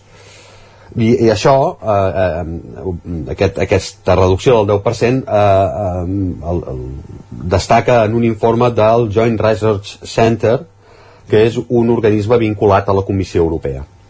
És cert que, en el, que aquest és el supòsit més extrem, eh, el, aquest, aquesta pujada de temperatura entre 3 i 4 graus sobre la mitjana, i que, mm, per tant, també afectaria més a les destinacions aquestes de sol i platja. Però la previsible reducció de visitants es planteja com un dels grans reptes que ha d'afrontar el sector turístic en els anys vinents. I és un repte no només per l'augment de temperatura, sinó pel seguit d'afectacions també vinculades al canvi climàtic, eh? l'augment de la despesa energètica, el consum d'un bé cada vegada més escàs com l'aigua, etc. No? Eh, els auguris de l'informe de la Comissió Europea senyalen que el turisme buscarà en el futur destinacions menys caloroses nord enllà, com, com, com, com acabem de veure en el cas de, de, de exacte, eh, que, que destino, de, de, trio destinacions més al nord. Doncs això, eh, mm, allà sí que s'espera un creixement de visitants a l'ordre del 5% en detriment dels aclaveniments turístics del sud europeu, que és on hi ha Catalunya. A la vista d'aquest informe, el Servei d'Estudis de CaixaBank va, fer, va voler aportar el seu la, la, la, diguem, va, fer, va voler fer la seva aportació i va analitzar si l'escenari porta camí d'aquest escenari que pinta l'estudi de la Comissió Europea porta camí de complir-se a partir de dades disponibles per l'entitat bancària, que bàsicament és l'ús de les seves targetes, es va determinar que dins de l'Estat ja s'està detectant aquest canvi de tendència. És cert que les dades mm, s'analitzen a partir d'un any, el 2023, que va ser molt favorable per al sector, de manera que s'observaran creixements molt importants a la despesa sigui, sigui quina sigui la destinació però eh, els augments provenen més de les destinacions menys càlides eh? la comparació de la despesa es fa entre l'any 2019 i l'any 2023 eh? Quina, quina despesa hi havia el 2019 i quina despesa hi havia el 2023 també s'ha de tenir en compte que l'any passat hi va haver més turistes i que eh, en els 4 anys transcorreguts també ha crescut l'IPC, especialment el 2022 i el 2023, com bé sabem. No? Doncs bé, fetes aquestes consideracions, eh, la despesa amb targetes de CaixaBank l'any passat era un 45% superior 45% superior al 2019 en destinacions en temperatures mitjanes anuals inferiors a 17 graus i per sota dels 21 en, en, en els mesos d'estiu i entre un 25 i un 35% superior a les menys caloroses. Per tant, estem parlant de que hi ha un, un decalatge, eh, una diferència entre 10 i 20 punts percentuals en, en el creixement que, que ha experimentat la despesa en targetes en aquestes localitzacions. No? Tot un indicador de cap on poden anar els trets turístics en els anys vinents. Un aspecte afegit. Allà on el diferencial és més gran és en els municipis costaners. Per tant, el que dèiem que el turisme més afectat és el de sol i platja i um, el que, que, que és el que més depèn de, de, de l'atzar del clima. De fet, la calor també es, es, eh, afecta la despesa. Um, uh, segons l'informe de CaixaBank Research, les compres baixen els dies que hi ha una de calor a raó d'un 0,12% per cada grau de desviació respecte de la temperatura mitjana d'un dia concret. No sé si m'estic explicant, per això, eh, diguem-ne que mm, si un, que per cada grau que, que, que es desvia de la mitjana, si la mitjana és 25, eh, vas a 26, hi ha un 0,12% menys de despesa i així successivament per cada grau que puja. No? déu nhi Donades les conclusions que s'extreuen del seu informe, el Centre d'Estudis de, de l'entitat bancària, CaixaBank Research, apunta a alguns dels aspectes dels reptes que hauria d'afrontar el sector turístic si vol ser veritablement proactiu davant de la potencial pèrdua de clients que comportaria aquesta consolidació de l'augment de temperatures que augura l'experiència de les onades de calor dels últims estius i que estan, també ho, ho diuen les evidències científiques que estan sortint. No? Diu eh, aquest estudi que seria necessari de desenvolupar infraestructures resistents al clima, repensar experiències turístiques, assegurar la comunitat dels visitants en una actuació que consideren que hauria de ser compatible amb la promoció de pràctiques que ajudin a reduir la contribució del sector turístic a l'escalfament global. Una reflexió que contrasta amb la resposta d'un representant del sector eh, respecte a aquest estudi que recull el Digital Nació. Això que dic ho, ho dic entre cometes, eh? Si fa calor tindrem temperatura, tindrem temporades més llargues. Això ho diu el president de la Federació Empresarial d'Hostaleria i Turisme de la província de Tarragona. Uh, saludar l'escalfament global com una notícia positiva en comptes d'un esperó per al canvi segurament és el camí més directe cap a la caiguda lliure. Sens dubte. Sí que semblen, en canvi, més interessants les aportacions que fa el vicepresident d'Exceltur, una entitat que plega alguns dels principals operadors turístics de l'Estat. Eh, després de destacar el fort creixement de l'últim any i aventurar que el sector camina cap a una aportació en el PIB de fins al 13,8%, deixem el 12,8%, encara un punt més, d'això seria l'any que ve, José Luis Toreda, aquest vicepresident d'Exteltur, es pregunta si aquest creixement és sostenible i fins i tot si és desitjable. Això ho diu ell, eh? Uh, I llavors incideix més, eh? Diu, cal produir una oferta, una oferta turística de més valor afegit i que hi hagi una major acceptació ciutadana sobre aquesta oferta. Eh, això ho feia en, en un fòrum i ho recollia al diari El País, eh? eren les declaracions que recollia el diari El País. Insist, eh, insistia, eh? batre rècords d'afluència no és el nostre objectiu. No s'ha de seguir encoratjant el creixement pel creixement. La ciutadania ha de formar part d'aquest èxit. Diguem-ne que mm, és, és, un, és un bon pas l'empatia cap a una ciutadania que moltes vegades reacciona, diguem-ne, sobre el turisme d'una manera no, no, no, no, no del tot favorable, no? Que és una reflexió interessant perquè apunten el camí, de, en el camí que el sector turístic s'ha de plantejar un futur més en clau de canvis que en clau de mantenir el que s'ha fet sempre. Eh?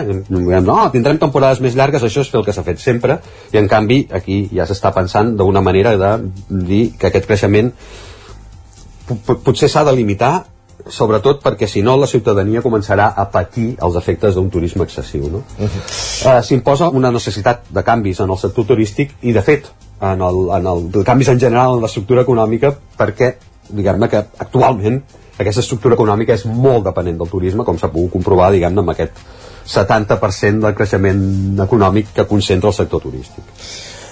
Doncs interessant tota la reflexió que, que, que has fet a l'entorn d'això, de, de l'escalfament global del planeta i del turisme. M'estic començant a imaginar unes illes eh, menys massificades i alhora també em, em genera la contradicció el fet aquest, no? de, perquè es busca el sol i platja per combatre la calor, però clar, si et poses si cada cop el mar és més un caldo doncs difícilment cometràs la calor amb, aigües amb temperatura alta, en fi re, reflexions que, que em venen al cap per, per això estan dient això de, de, de, de pensant que hem de canviar les experiències, intentar plantejar més activitats nocturnes, etc. Eh? Això és una mica el que, la, la reflexió que, que fa que fa Excel Tour no, i, i, i, la, i la que fa també Caixa, CaixaBank, CaixaBank eh?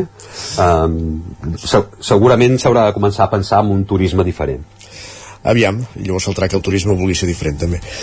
Gràcies Joan Carles, una setmana més. Gràcies, gràcies a vosaltres, bon dia.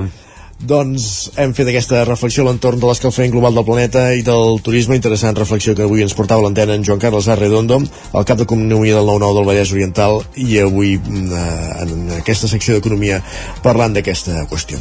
Nosaltres ara farem una petitíssima pausa, re, 3 minutets, però continua el territori 17, i ja ens espera en Guillem Sánchez amb el més destacat que ha trobat a X, la xarxa social, abans anomenada Twitter, i després acabarem el programa amb el podcast El racó de pensar, com cada dimarts, i avui amb la segona segona entrega amb el segon lliurament del capítol que obríem la setmana passada, dedicat al dolor, en companyia, com sempre, de, de la Maria López, que ens porta el podcast El racó de pensar des de Ràdio i Televisió Cardeu.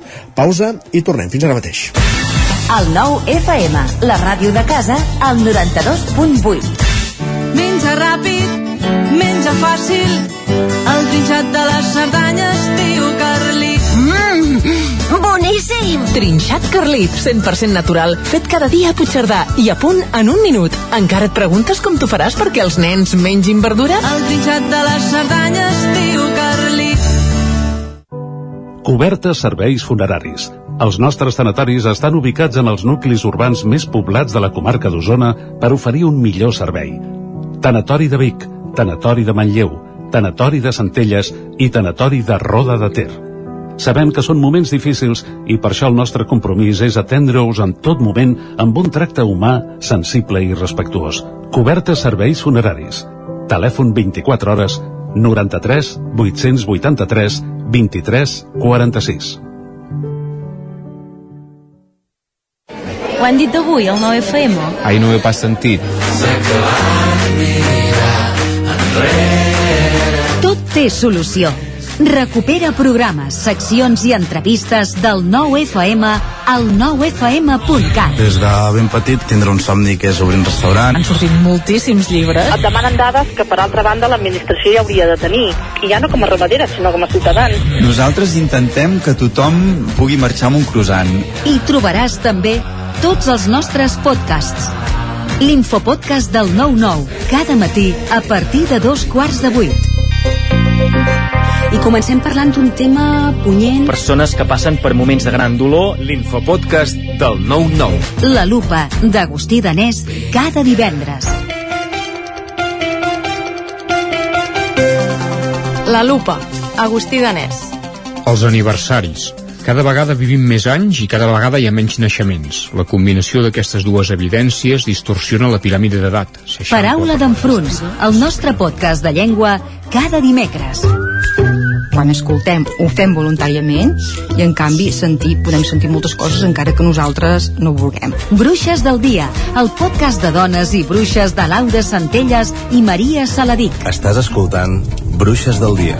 La meva relació amb la mort és totalment diferent, perquè jo morts, diguéssim, físiques d'un cos, n'he vist crec que una a la meva vida. Feeling de 5, l'actualitat de casa nostra en anglès. Hello and welcome to Filling the Sink, a podcast from Catalan News. My name is Lucia. I també tots els relats finalistes del concurs de narrativa curta del 9-9. He despertat a mig de la foscor. Tinc la boca seca i els ulls El 9fm.cat, la ràdio en línia i els podcasts del 9FM. En punt, dos quarts d'onze al territori 17.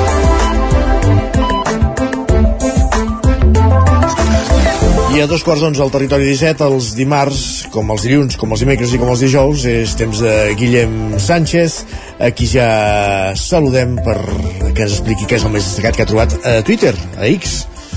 Què tal? Bé, i tu? No us podeu desempallegar de mi, eh? Gairebé cap dia. Tampoc ho pretenem.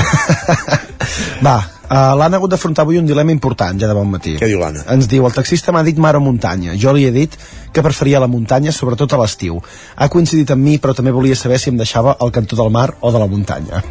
Ah, molt bé. És que hi ha gent que ho pot entendre d'una altra manera, no? L'Anna és de l'equip d'en Joan Carles Arredondo i meu, ja ho veig. Correcte, Més correcte. qüestions. Va, li respon la Lucy que diu jo m'oriento fatal i això fa que em perdi sovint. Surto caminant en direcció contrària al lloc on vaig, gairebé sempre. A mi això de mar o muntanya no em serveix gaire. Molt bé. Bé, va, atenció. Llavors, quan et diuen Besòs o Llobregat, llavors ja quedes... ja que, sí.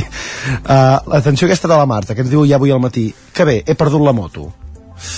Molt malament. Complicat, complicat. Esperem que la pugui, que la pugui trobar. I no sé si això és més problema o el que ens diu en Jordi, que ens comenta l'altre dia en una formació de quart d'ESO, una de les alumnes em va dir que no tenia llibres a casa. Diu, cap, ni un. I quants llibres acostumava a llegir? Zero, només els de classe i són molt avorrits. Em va saber molt greu perquè llavors els vaig explicar un conte i ella va flipar. Veus? És que és molt fàcil. Sí. És molt fàcil, és molt fàcil. Anys ja, ara no ho sé, però hi havia un, un simulador d'enciclopèdies a les estanteries dels habitatges. No, no, no, para, para. Sí, ja, sí, para, para. existia... Oi, que una enciclopèdia. Una- No, no, no, és, és només un objecte una, per fer-ho veure. amb una projecció o amb alguna cosa física o no, com no, una anava? cosa física que era simulava com si hagués tots els, Com les tapes, no? els, tots els tomos d'una enciclopèdia ja posats, però era un tros de plàstic per, On hem anat a parar? On hem anat a parar? Va, en Nil necessita motivacions, ens ho confessa i diu jo si tingués un gos salsitxa a la feina treballaria millor. Jo, doncs, jo no, ja està. doncs que el cap li compri un gos salsitxa que se'l porti ell de casa.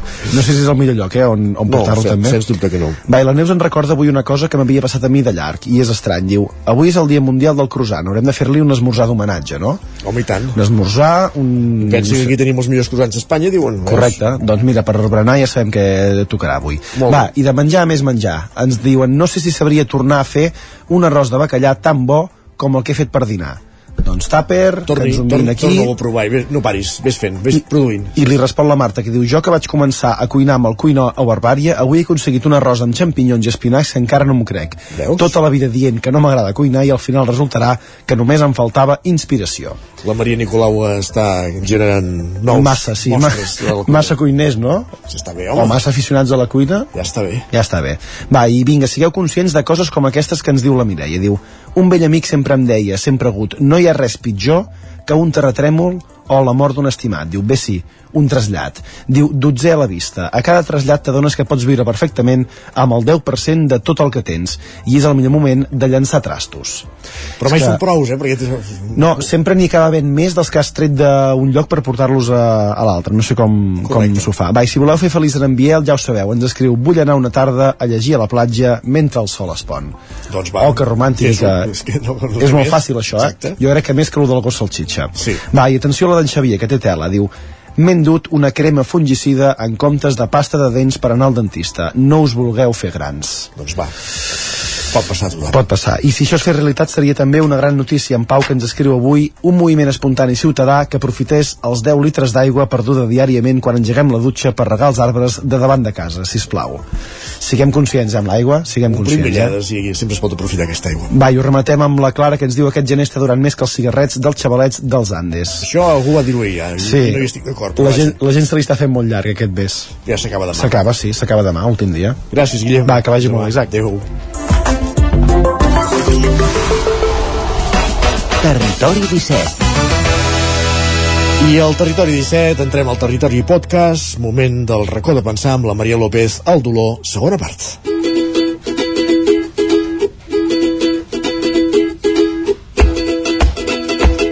El racó de pensar, des de Ràdio Cardedeu. Reflexions sobre el dolor, sobre la percepció que tenim cada individu sobre el dolor i sobretot d'aquesta realitat biopsicosocial que hi ha al darrere del dolor, però que a vegades no es tracta en tota la seva globalitat. I tal com vam prometre, seguim avui amb aquesta segona part perquè just vam tancar el darrer capítol parlant de com tractem aquest dolor. Cristina Arjonilla, fisioterapeuta, conferenciant, docent a la universitat i experta en osteopatia. Gràcies per seguir aquí amb nosaltres i continuem amb aquesta interessantíssima conversa, perquè just al programa anterior vam tancar parlant d'aquest tractament, de la tendència que hi ha al món occidental a quedar-nos només analitzant o tractant la part biològica, tot i saber que el dolor té un origen biopsicosocial, o sigui que la part psicològica i la part social també intervenen en la nostra percepció del dolor. Hi ha altres cultures, per exemple, en la medicina oriental, que s'hi contemplen aquesta part quan tracten un pacient? Aquí hi hi ha dues qüestions molt interessants, no? Uh, quan tu em poses sobre la taula el tema cultural, hem de veure, per exemple, quina connotació té aquella lesió per una cultura concreta. M'explico. Uh, hi ha moltes cultures que tenen moltes tradicions, moltes festes uh, i molts rituals on la, la gent es fa mal, no? Però clar, no és una cosa desconeguda per ells és algo conegut, és algo que els hi dona mm, com una upgrade, no? com, com una millora a dintre de, del seu poble, per exemple, les escarificacions a Àfrica. Les escarificacions són aquelles ferides que nosaltres fem a la pell on la gent, sobretot de raça negra, faran una ferida que és com un queloide uh -huh. i ho fan en forma de sanefes. Llavors, a vegades hi ha cultures que amb més sanefes més estatus dintre de, de la tribu. Llavors, jo t'estic fent uns talls prou importants que sagnaràs i evidentment et fan mal, però com que allò té una connotació positiva, el teu pare també li van fer, el teu tiet, que és el superjefe, també li van fer, automàticament quan jo t'ho faig, com que és algo conegut per tu i a sobre té una connotació positiva, la teva experiència de dolor és molt menor que si jo agafo ara la meva neboda i, i dic, Paula, vine, Vine que, que et vaig a fer aquí unes cosetes, no? Com que ella no té aquesta relació, no té aquesta coneixença, automàticament el seu sistema què torna a fer? Fa una protecció i fa que la meva neboda experimenti molt més dolor que no pas l'altra que està fent eh, aquests rituals. El cas de les dones girafa, per exemple, seria similar? Podria ser, perquè clar, per elles és algo que és conegut, que és normal i que forma part de la seva cultura. Què passaria si jo ara agafo, pues això, no?, una amiga meva i dic, vine, vine cap aquí, que et faré això. Però ja no només això, és a dir, per exemple, hi han... Um, els, els, els sud-est asiàtics sobretot, bueno, a l'Àsia en general, hi ha la medicina alopàtica, que és la que nosaltres coneixem, i també hi ha la medicina tradicional xinesa, no? Llavors, hi ha hospitals de medicina tradicional xinesa on hi ha infermeres, on hi ha metges, o sigui, on no és el laboratori de la senyoreta Pepis, eh? sinó que són hospitals on no hi ha farmàcia. O sigui, la farmàcia és una cuina on bullen herbes i on fan infusions i la- l'anestèsia que et donaran és una infusió i on et faran auriculopuntura per poder-te extirpar, per exemple, un càncer a l'ovari. Llavors, en allà, l'anestèsia, el que nosaltres entenem per anestèsia, per ells és una altra cosa. Però com que ells han crescut que l'anestèsia és allò, ells tenen una anestèsia. És a dir, la suggestió no? i, i la- l'expectativa juguen un rol superimportant amb l'experiència de dolor. Mhm. Et poso un exemple. Una de les coses que ens porta més mal de caps als fisios i als metges eh, actualment és la gent que ha tingut una fuetada cervical, no? Saps el típic de... Típic de cotxe, frenasso, tira enrere i el pam. collarín, no? Mira, jo ara et demanaré una cosa. Uh, tu, quan sents que algú ha tingut una fuetada, per tu, què hi va associat darrere de tenir una fuetada? A nivell de dolor? O a en, nivell en, de... en general, en general, quan algú té, ha tingut un superpinyo que, que li, li- li han picat per darrere, tu automàticament, si penses en les lesions que pugui tenir aquella persona o coses que es diuen a nivell de motxilles històriques, què et ve al cap? Ostres, no sé, però d'entrada penso amb el, amb el collaret i en estar-se tieso i... No et sona, per exemple, coses com ui, has tingut un accident, sempre més tindràs dolor cervical. Sí, això és, és típic, no? I Això vaig tenir ja... un accident i jo ja des d'aleshores sempre més he tingut dolor, Sí. no? Vale, anem a desgranar un accident.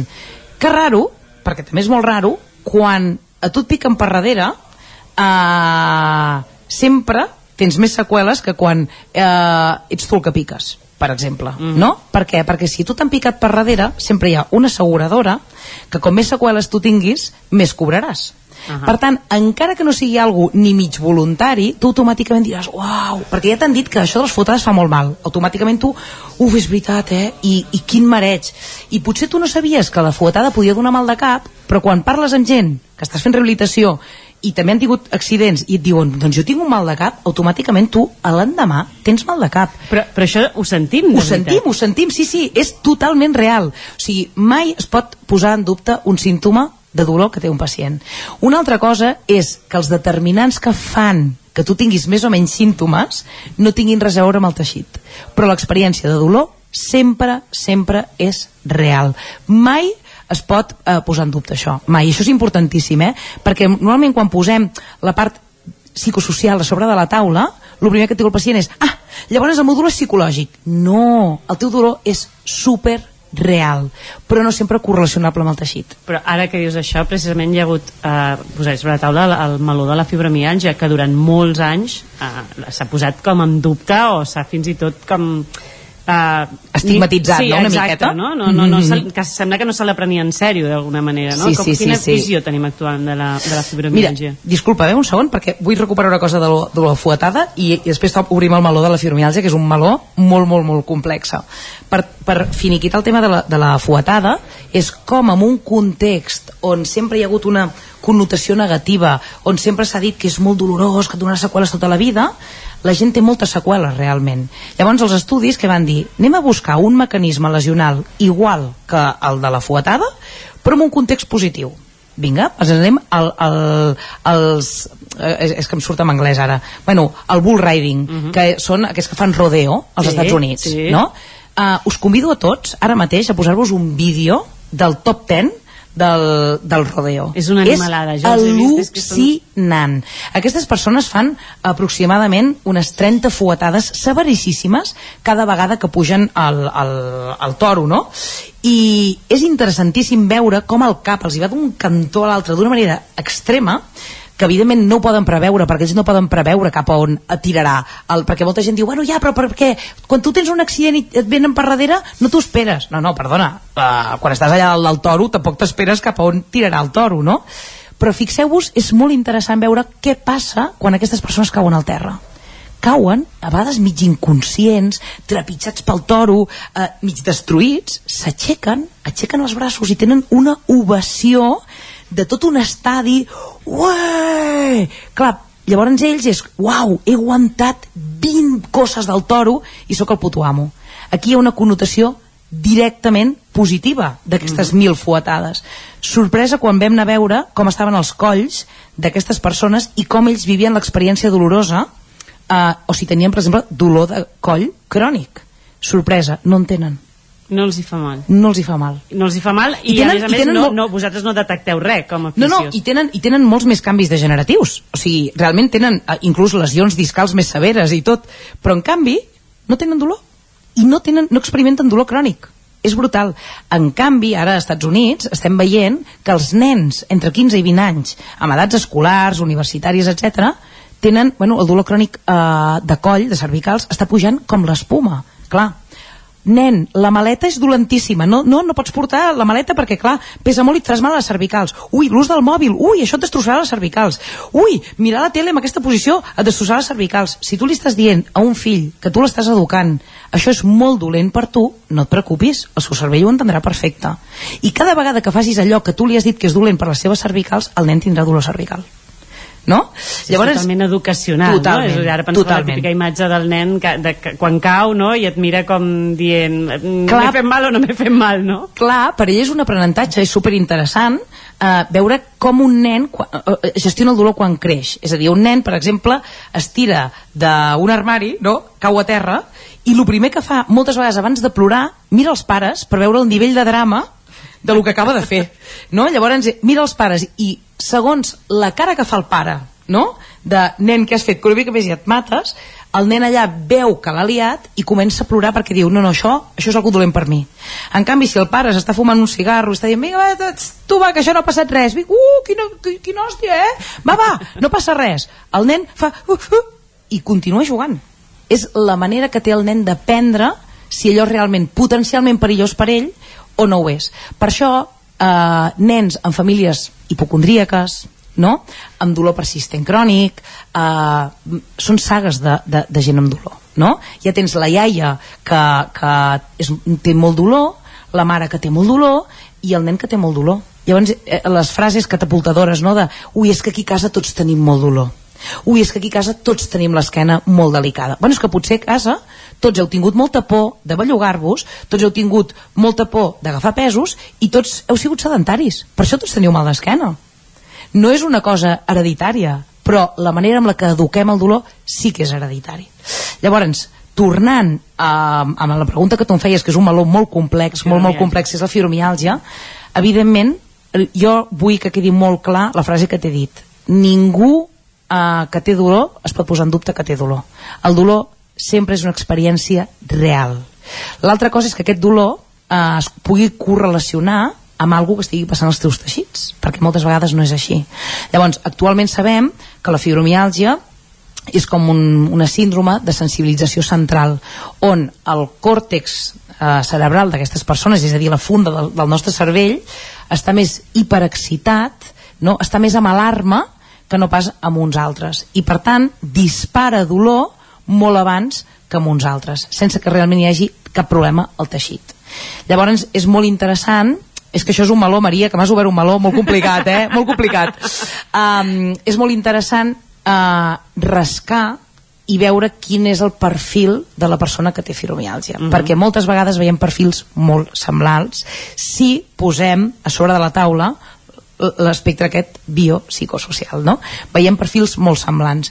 Llavors, és molt raro trobar-te una persona amb fibromiàlgia que sigui emocionalment sana, que hagi tingut un passat sa, que hagi tingut una família sana, que no tingui cap mena d'estrès posttraumàtic, que no tingui cap mena d'història d'abús, que no tingui cap mena d'història, eh, no té per què ser abús, eh, ni, ni abandonament, no ens, hem, no ens hem de posar amb lo més tràgic, però pot ser un, un bullying, inclús un bullying suau, que aquesta persona ho ha passat molt malament i llavors allò s'ha anat fent com la bola del desert no? i ha acabat eh, desembocant per aquí sí? llavors fixa't que curiós que la gent que no ha tingut ni un passat tèrbol ni una educació tèrbola i ha tingut un sistema super sa i té una parella sana, col·laboradora uns amics estupendos i a més a més fa esport, es cuida, menja bé et costarà molt trobar una persona fibromiàlgica amb aquest perfil. En canvi, eh, és que hi ha gent... Més, després de certs anys, això deu estar també molt més estudiat. I totalment, molt més... totalment. Llavors jo crec que avui dia ningú posa en dubte que la fibromiàlgia és, és una realitat eh, terrorífica que experimenten alguns pacients, però també és veritat que si aconseguim obrir i desgranar aquest aspecte biopsicosocial i comencem a rascar i comencem a fer teràpia i comencem a, a tractar aquestes persones, normalment dones malauradament, eh, no com si estiguessin sonades o fossin unes dramàtiques o fossin unes histèriques i intentem entendre per què el seu cervell ha decidit fer aquest processament eh, segurament els podríem ajudar molt més no? I de fet hi ha eh,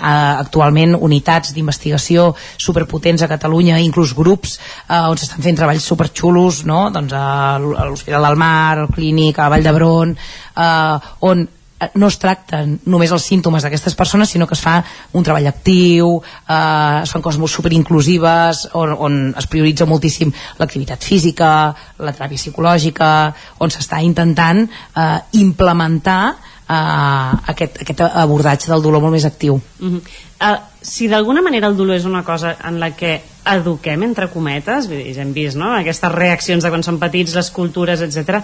existeix la possibilitat de reeducar-nos en el dolor? Totalment. Mira, jo de fet, una part de la meva praxis diària, jo sóc fisio de capçalera del racó de pensar, però, però soc oficialment a partir d'avui, no? Però jo em considero uh, fisio de, de, de trinxera, no? Jo em passo de 9 a 9 a la consulta on veig passar pues, centenars de persones cada mes des de fa més de 20 anys i una part de la meva praxis i, i de la meva part docent a la universitat és l'abordatge del pacient amb dolor persistent i complex.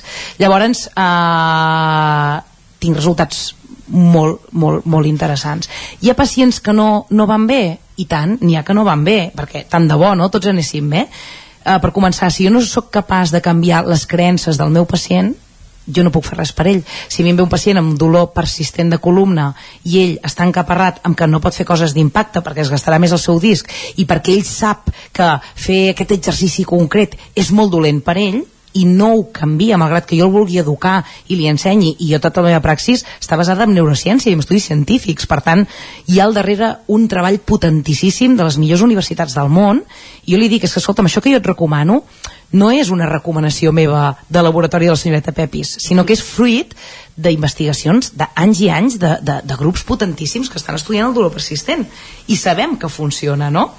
Però clar, amb aquestes persones hem de mirar la part bio. Hi ha problemes? Els tractem amb teràpia manual, amb massatge, amb estiraments, amb exercicis, amb el que sigui. Uh, hi ha problemes psico, derivem al psico, no? Hi ha problemes socials, mirem si podem canviar-ne algun. Llavors, d'aquestes tres coses, les posem a la bàscula i comencem a treballar amb la que és més fàcil de cara al pacient. Uh -huh. Llavors, la pregunta que tu em dius és tot interessant perquè inclús hem vist que la gent amb dolor persistent, la seva substància gris cerebral està més atrofiada la gent que té dolor de llarga evolució la forma del seu cervell ha canviat i ho podem veure objectivament. I també podem veure que quan aquestes persones comencen a entendre com funcionava el seu sistema de dolor, comencen a entendre que potser hi havia coses que havien entès malament, comencen a fer les paus amb aquests símptomes i els comencen a abraçar en lloc de barallar-s'hi i comencen a exposar-se allò que havien deixat de fer per por i comencem a tractar, en definitiva, aquest dolor i passen uns mesos i de sobte tenen menys dolor i tornem a repetir les proves de la seva substància gris cerebral, veiem que ha canviat. És a dir, el cervell és plàstic per lo bo i per lo dolent. Què vol dir?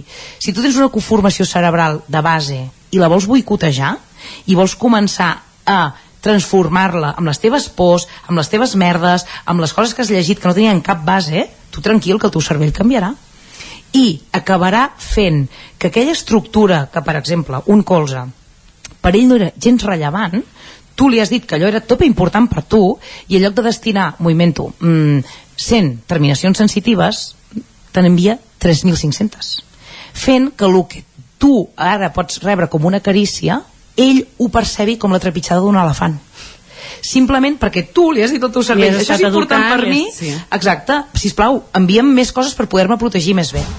Lo interessantíssim és que el cervell és plàstic i com que és plàstic jo puc refer això. Llavors això evidentment no són canvis que es produeixin malauradament d'avui per demà. Requereixen molt. treball molta exposició moltes anades i vingudes no? Uh, molt, molt trencament de patrons familiars de conductes, de creences o sigui, és un curro eh, per part del pacient però és un curro que té doncs, bueno, moltes vegades uns resultats eh, impressionants ja per anar acabant, eh, rescatem xifres d'alguna manera, parlàvem de xifres molt elevades de gent que pateix dolor quasi de manera habitual, per dir-ho d'alguna manera. Eh, parlem de despesa econòmica vinculada també a això, però estem parlant eh, de que hi ha evidències de que es tracta d'un tema biopsicosocial i estem només atacant una part perquè si tenem, tenim aquestes evidències aquestes xifres i, i estem veient que no ho estem fent bé què falla, o sigui, què falla en el nostre sistema perquè canviem aquesta manera de curar i d'acompanyar els nostres malalts, la gent que està patint dolor?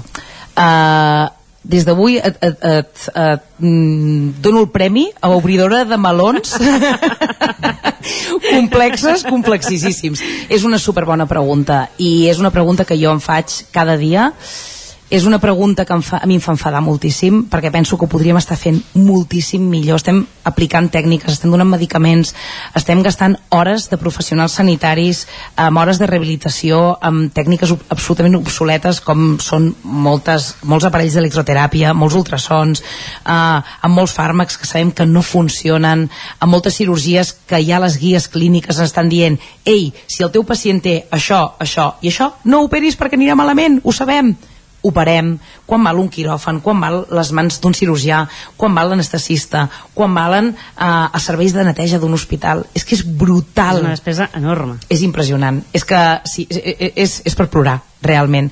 Llavors, seria tan, tan fàcil si realment recollíssim tot això que ens diu l'evidència i ho poséssim a sobre de la taula amb els recursos que realment tenim perquè estem en un país on si destinéssim aquests recursos a les coses que realment sabem que funcionen seria potentíssim per què no ho fem? més muntanya i menys exacte, I menys necessitem, necessitem no? més amor necessitem més gratitud necessitem més vincle social necessitem més tribu, necessitem més comprensió necessitem més contacte amb la natura eh, necessitem més relacions sanes necessitem més esport, més exercici físic necessitem menjar millor, necessitem dormir millor necessitem moltes coses però és que si les persones sapiguessin que tot això té un impacte tan directe sobre la seva salut, potser també se'n farien càrrec, no? Uh -huh.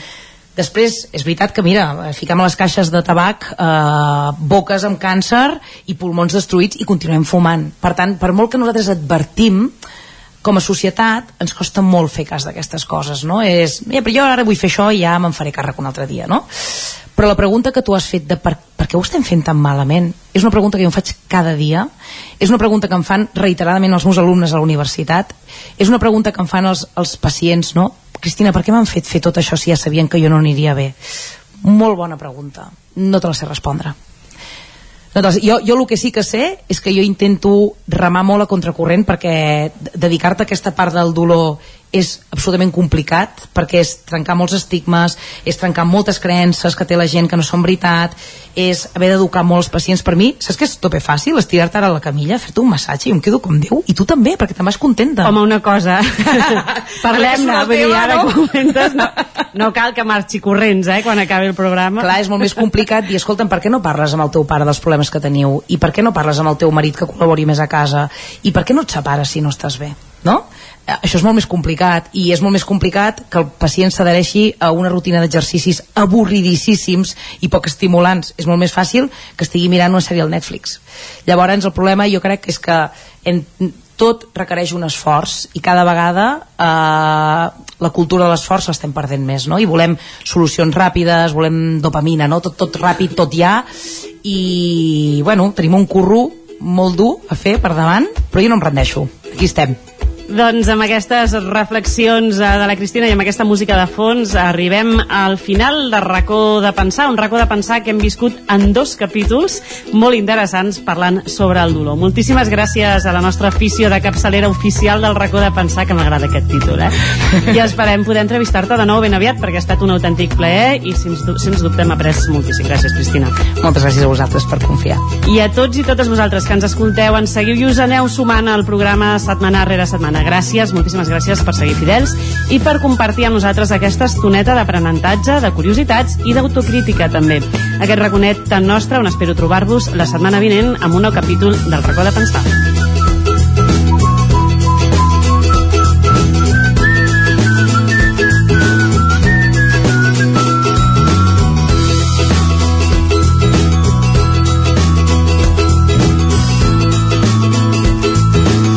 Gràcies, Maria, una setmana més per una nova edició del racó de pensar i, i així tancant aquest capítol que obríem, aquest meló que obríem la setmana passada dedicat al dolor, que avui l'hem completat amb aquestes interessants reflexions que ens heu portat a l'antena una setmana més des del podcast El racó de pensar, des de Ràdio Canals de 10 per al territori 17 i amb el qual també tanquem el territori 17 d'avui, un territori 17 on hem voltat molt. Hem parlat d'aquesta nova cooperativa d'habitatge d'inclusió social que es vol instaurar al Ripollès, hem conegut les obres de la Torre Roja de Sant Antoni de Vilamajor, hem parlat sobre escalfament global i turisme amb en Joan Carles Arredondo, el cap d'Economia del 9-9 del Vallès Oriental, que cada setmana ens acosta a la secció d'Economia. I abans del podcast del Territori Podcast, avui dedicat al dolor, al racó de pensar, hem fet també una capbussada a les xarxes socials, concretament a X, abans Twitter, amb el més interessant que ha recollit en Guillem Sánchez en les darreres hores. Tot, amb en companyia de les notícies de les nostres comarques, les notícies del Territori 17, que us acostem cada dia a les 9 i a les 10 des de les diferents emissores que dia a dia fem possible aquest programa. Arribem al final, us hem acompanyat des de les 9, Joan Garcia, Enric Rubio, Isaac Muntades, Roger Rams, Pepa Costa, Joan Carles Arredondo, Guillem Sánchez, Maria López, Sergi Vives i Isaac Moreno. El Territori 17 hi torna demà, dimecres, a partir de les 9 del matí. Fins aleshores, bon, di bon dimarts i gràcies per ser-hi. Adéu-siau.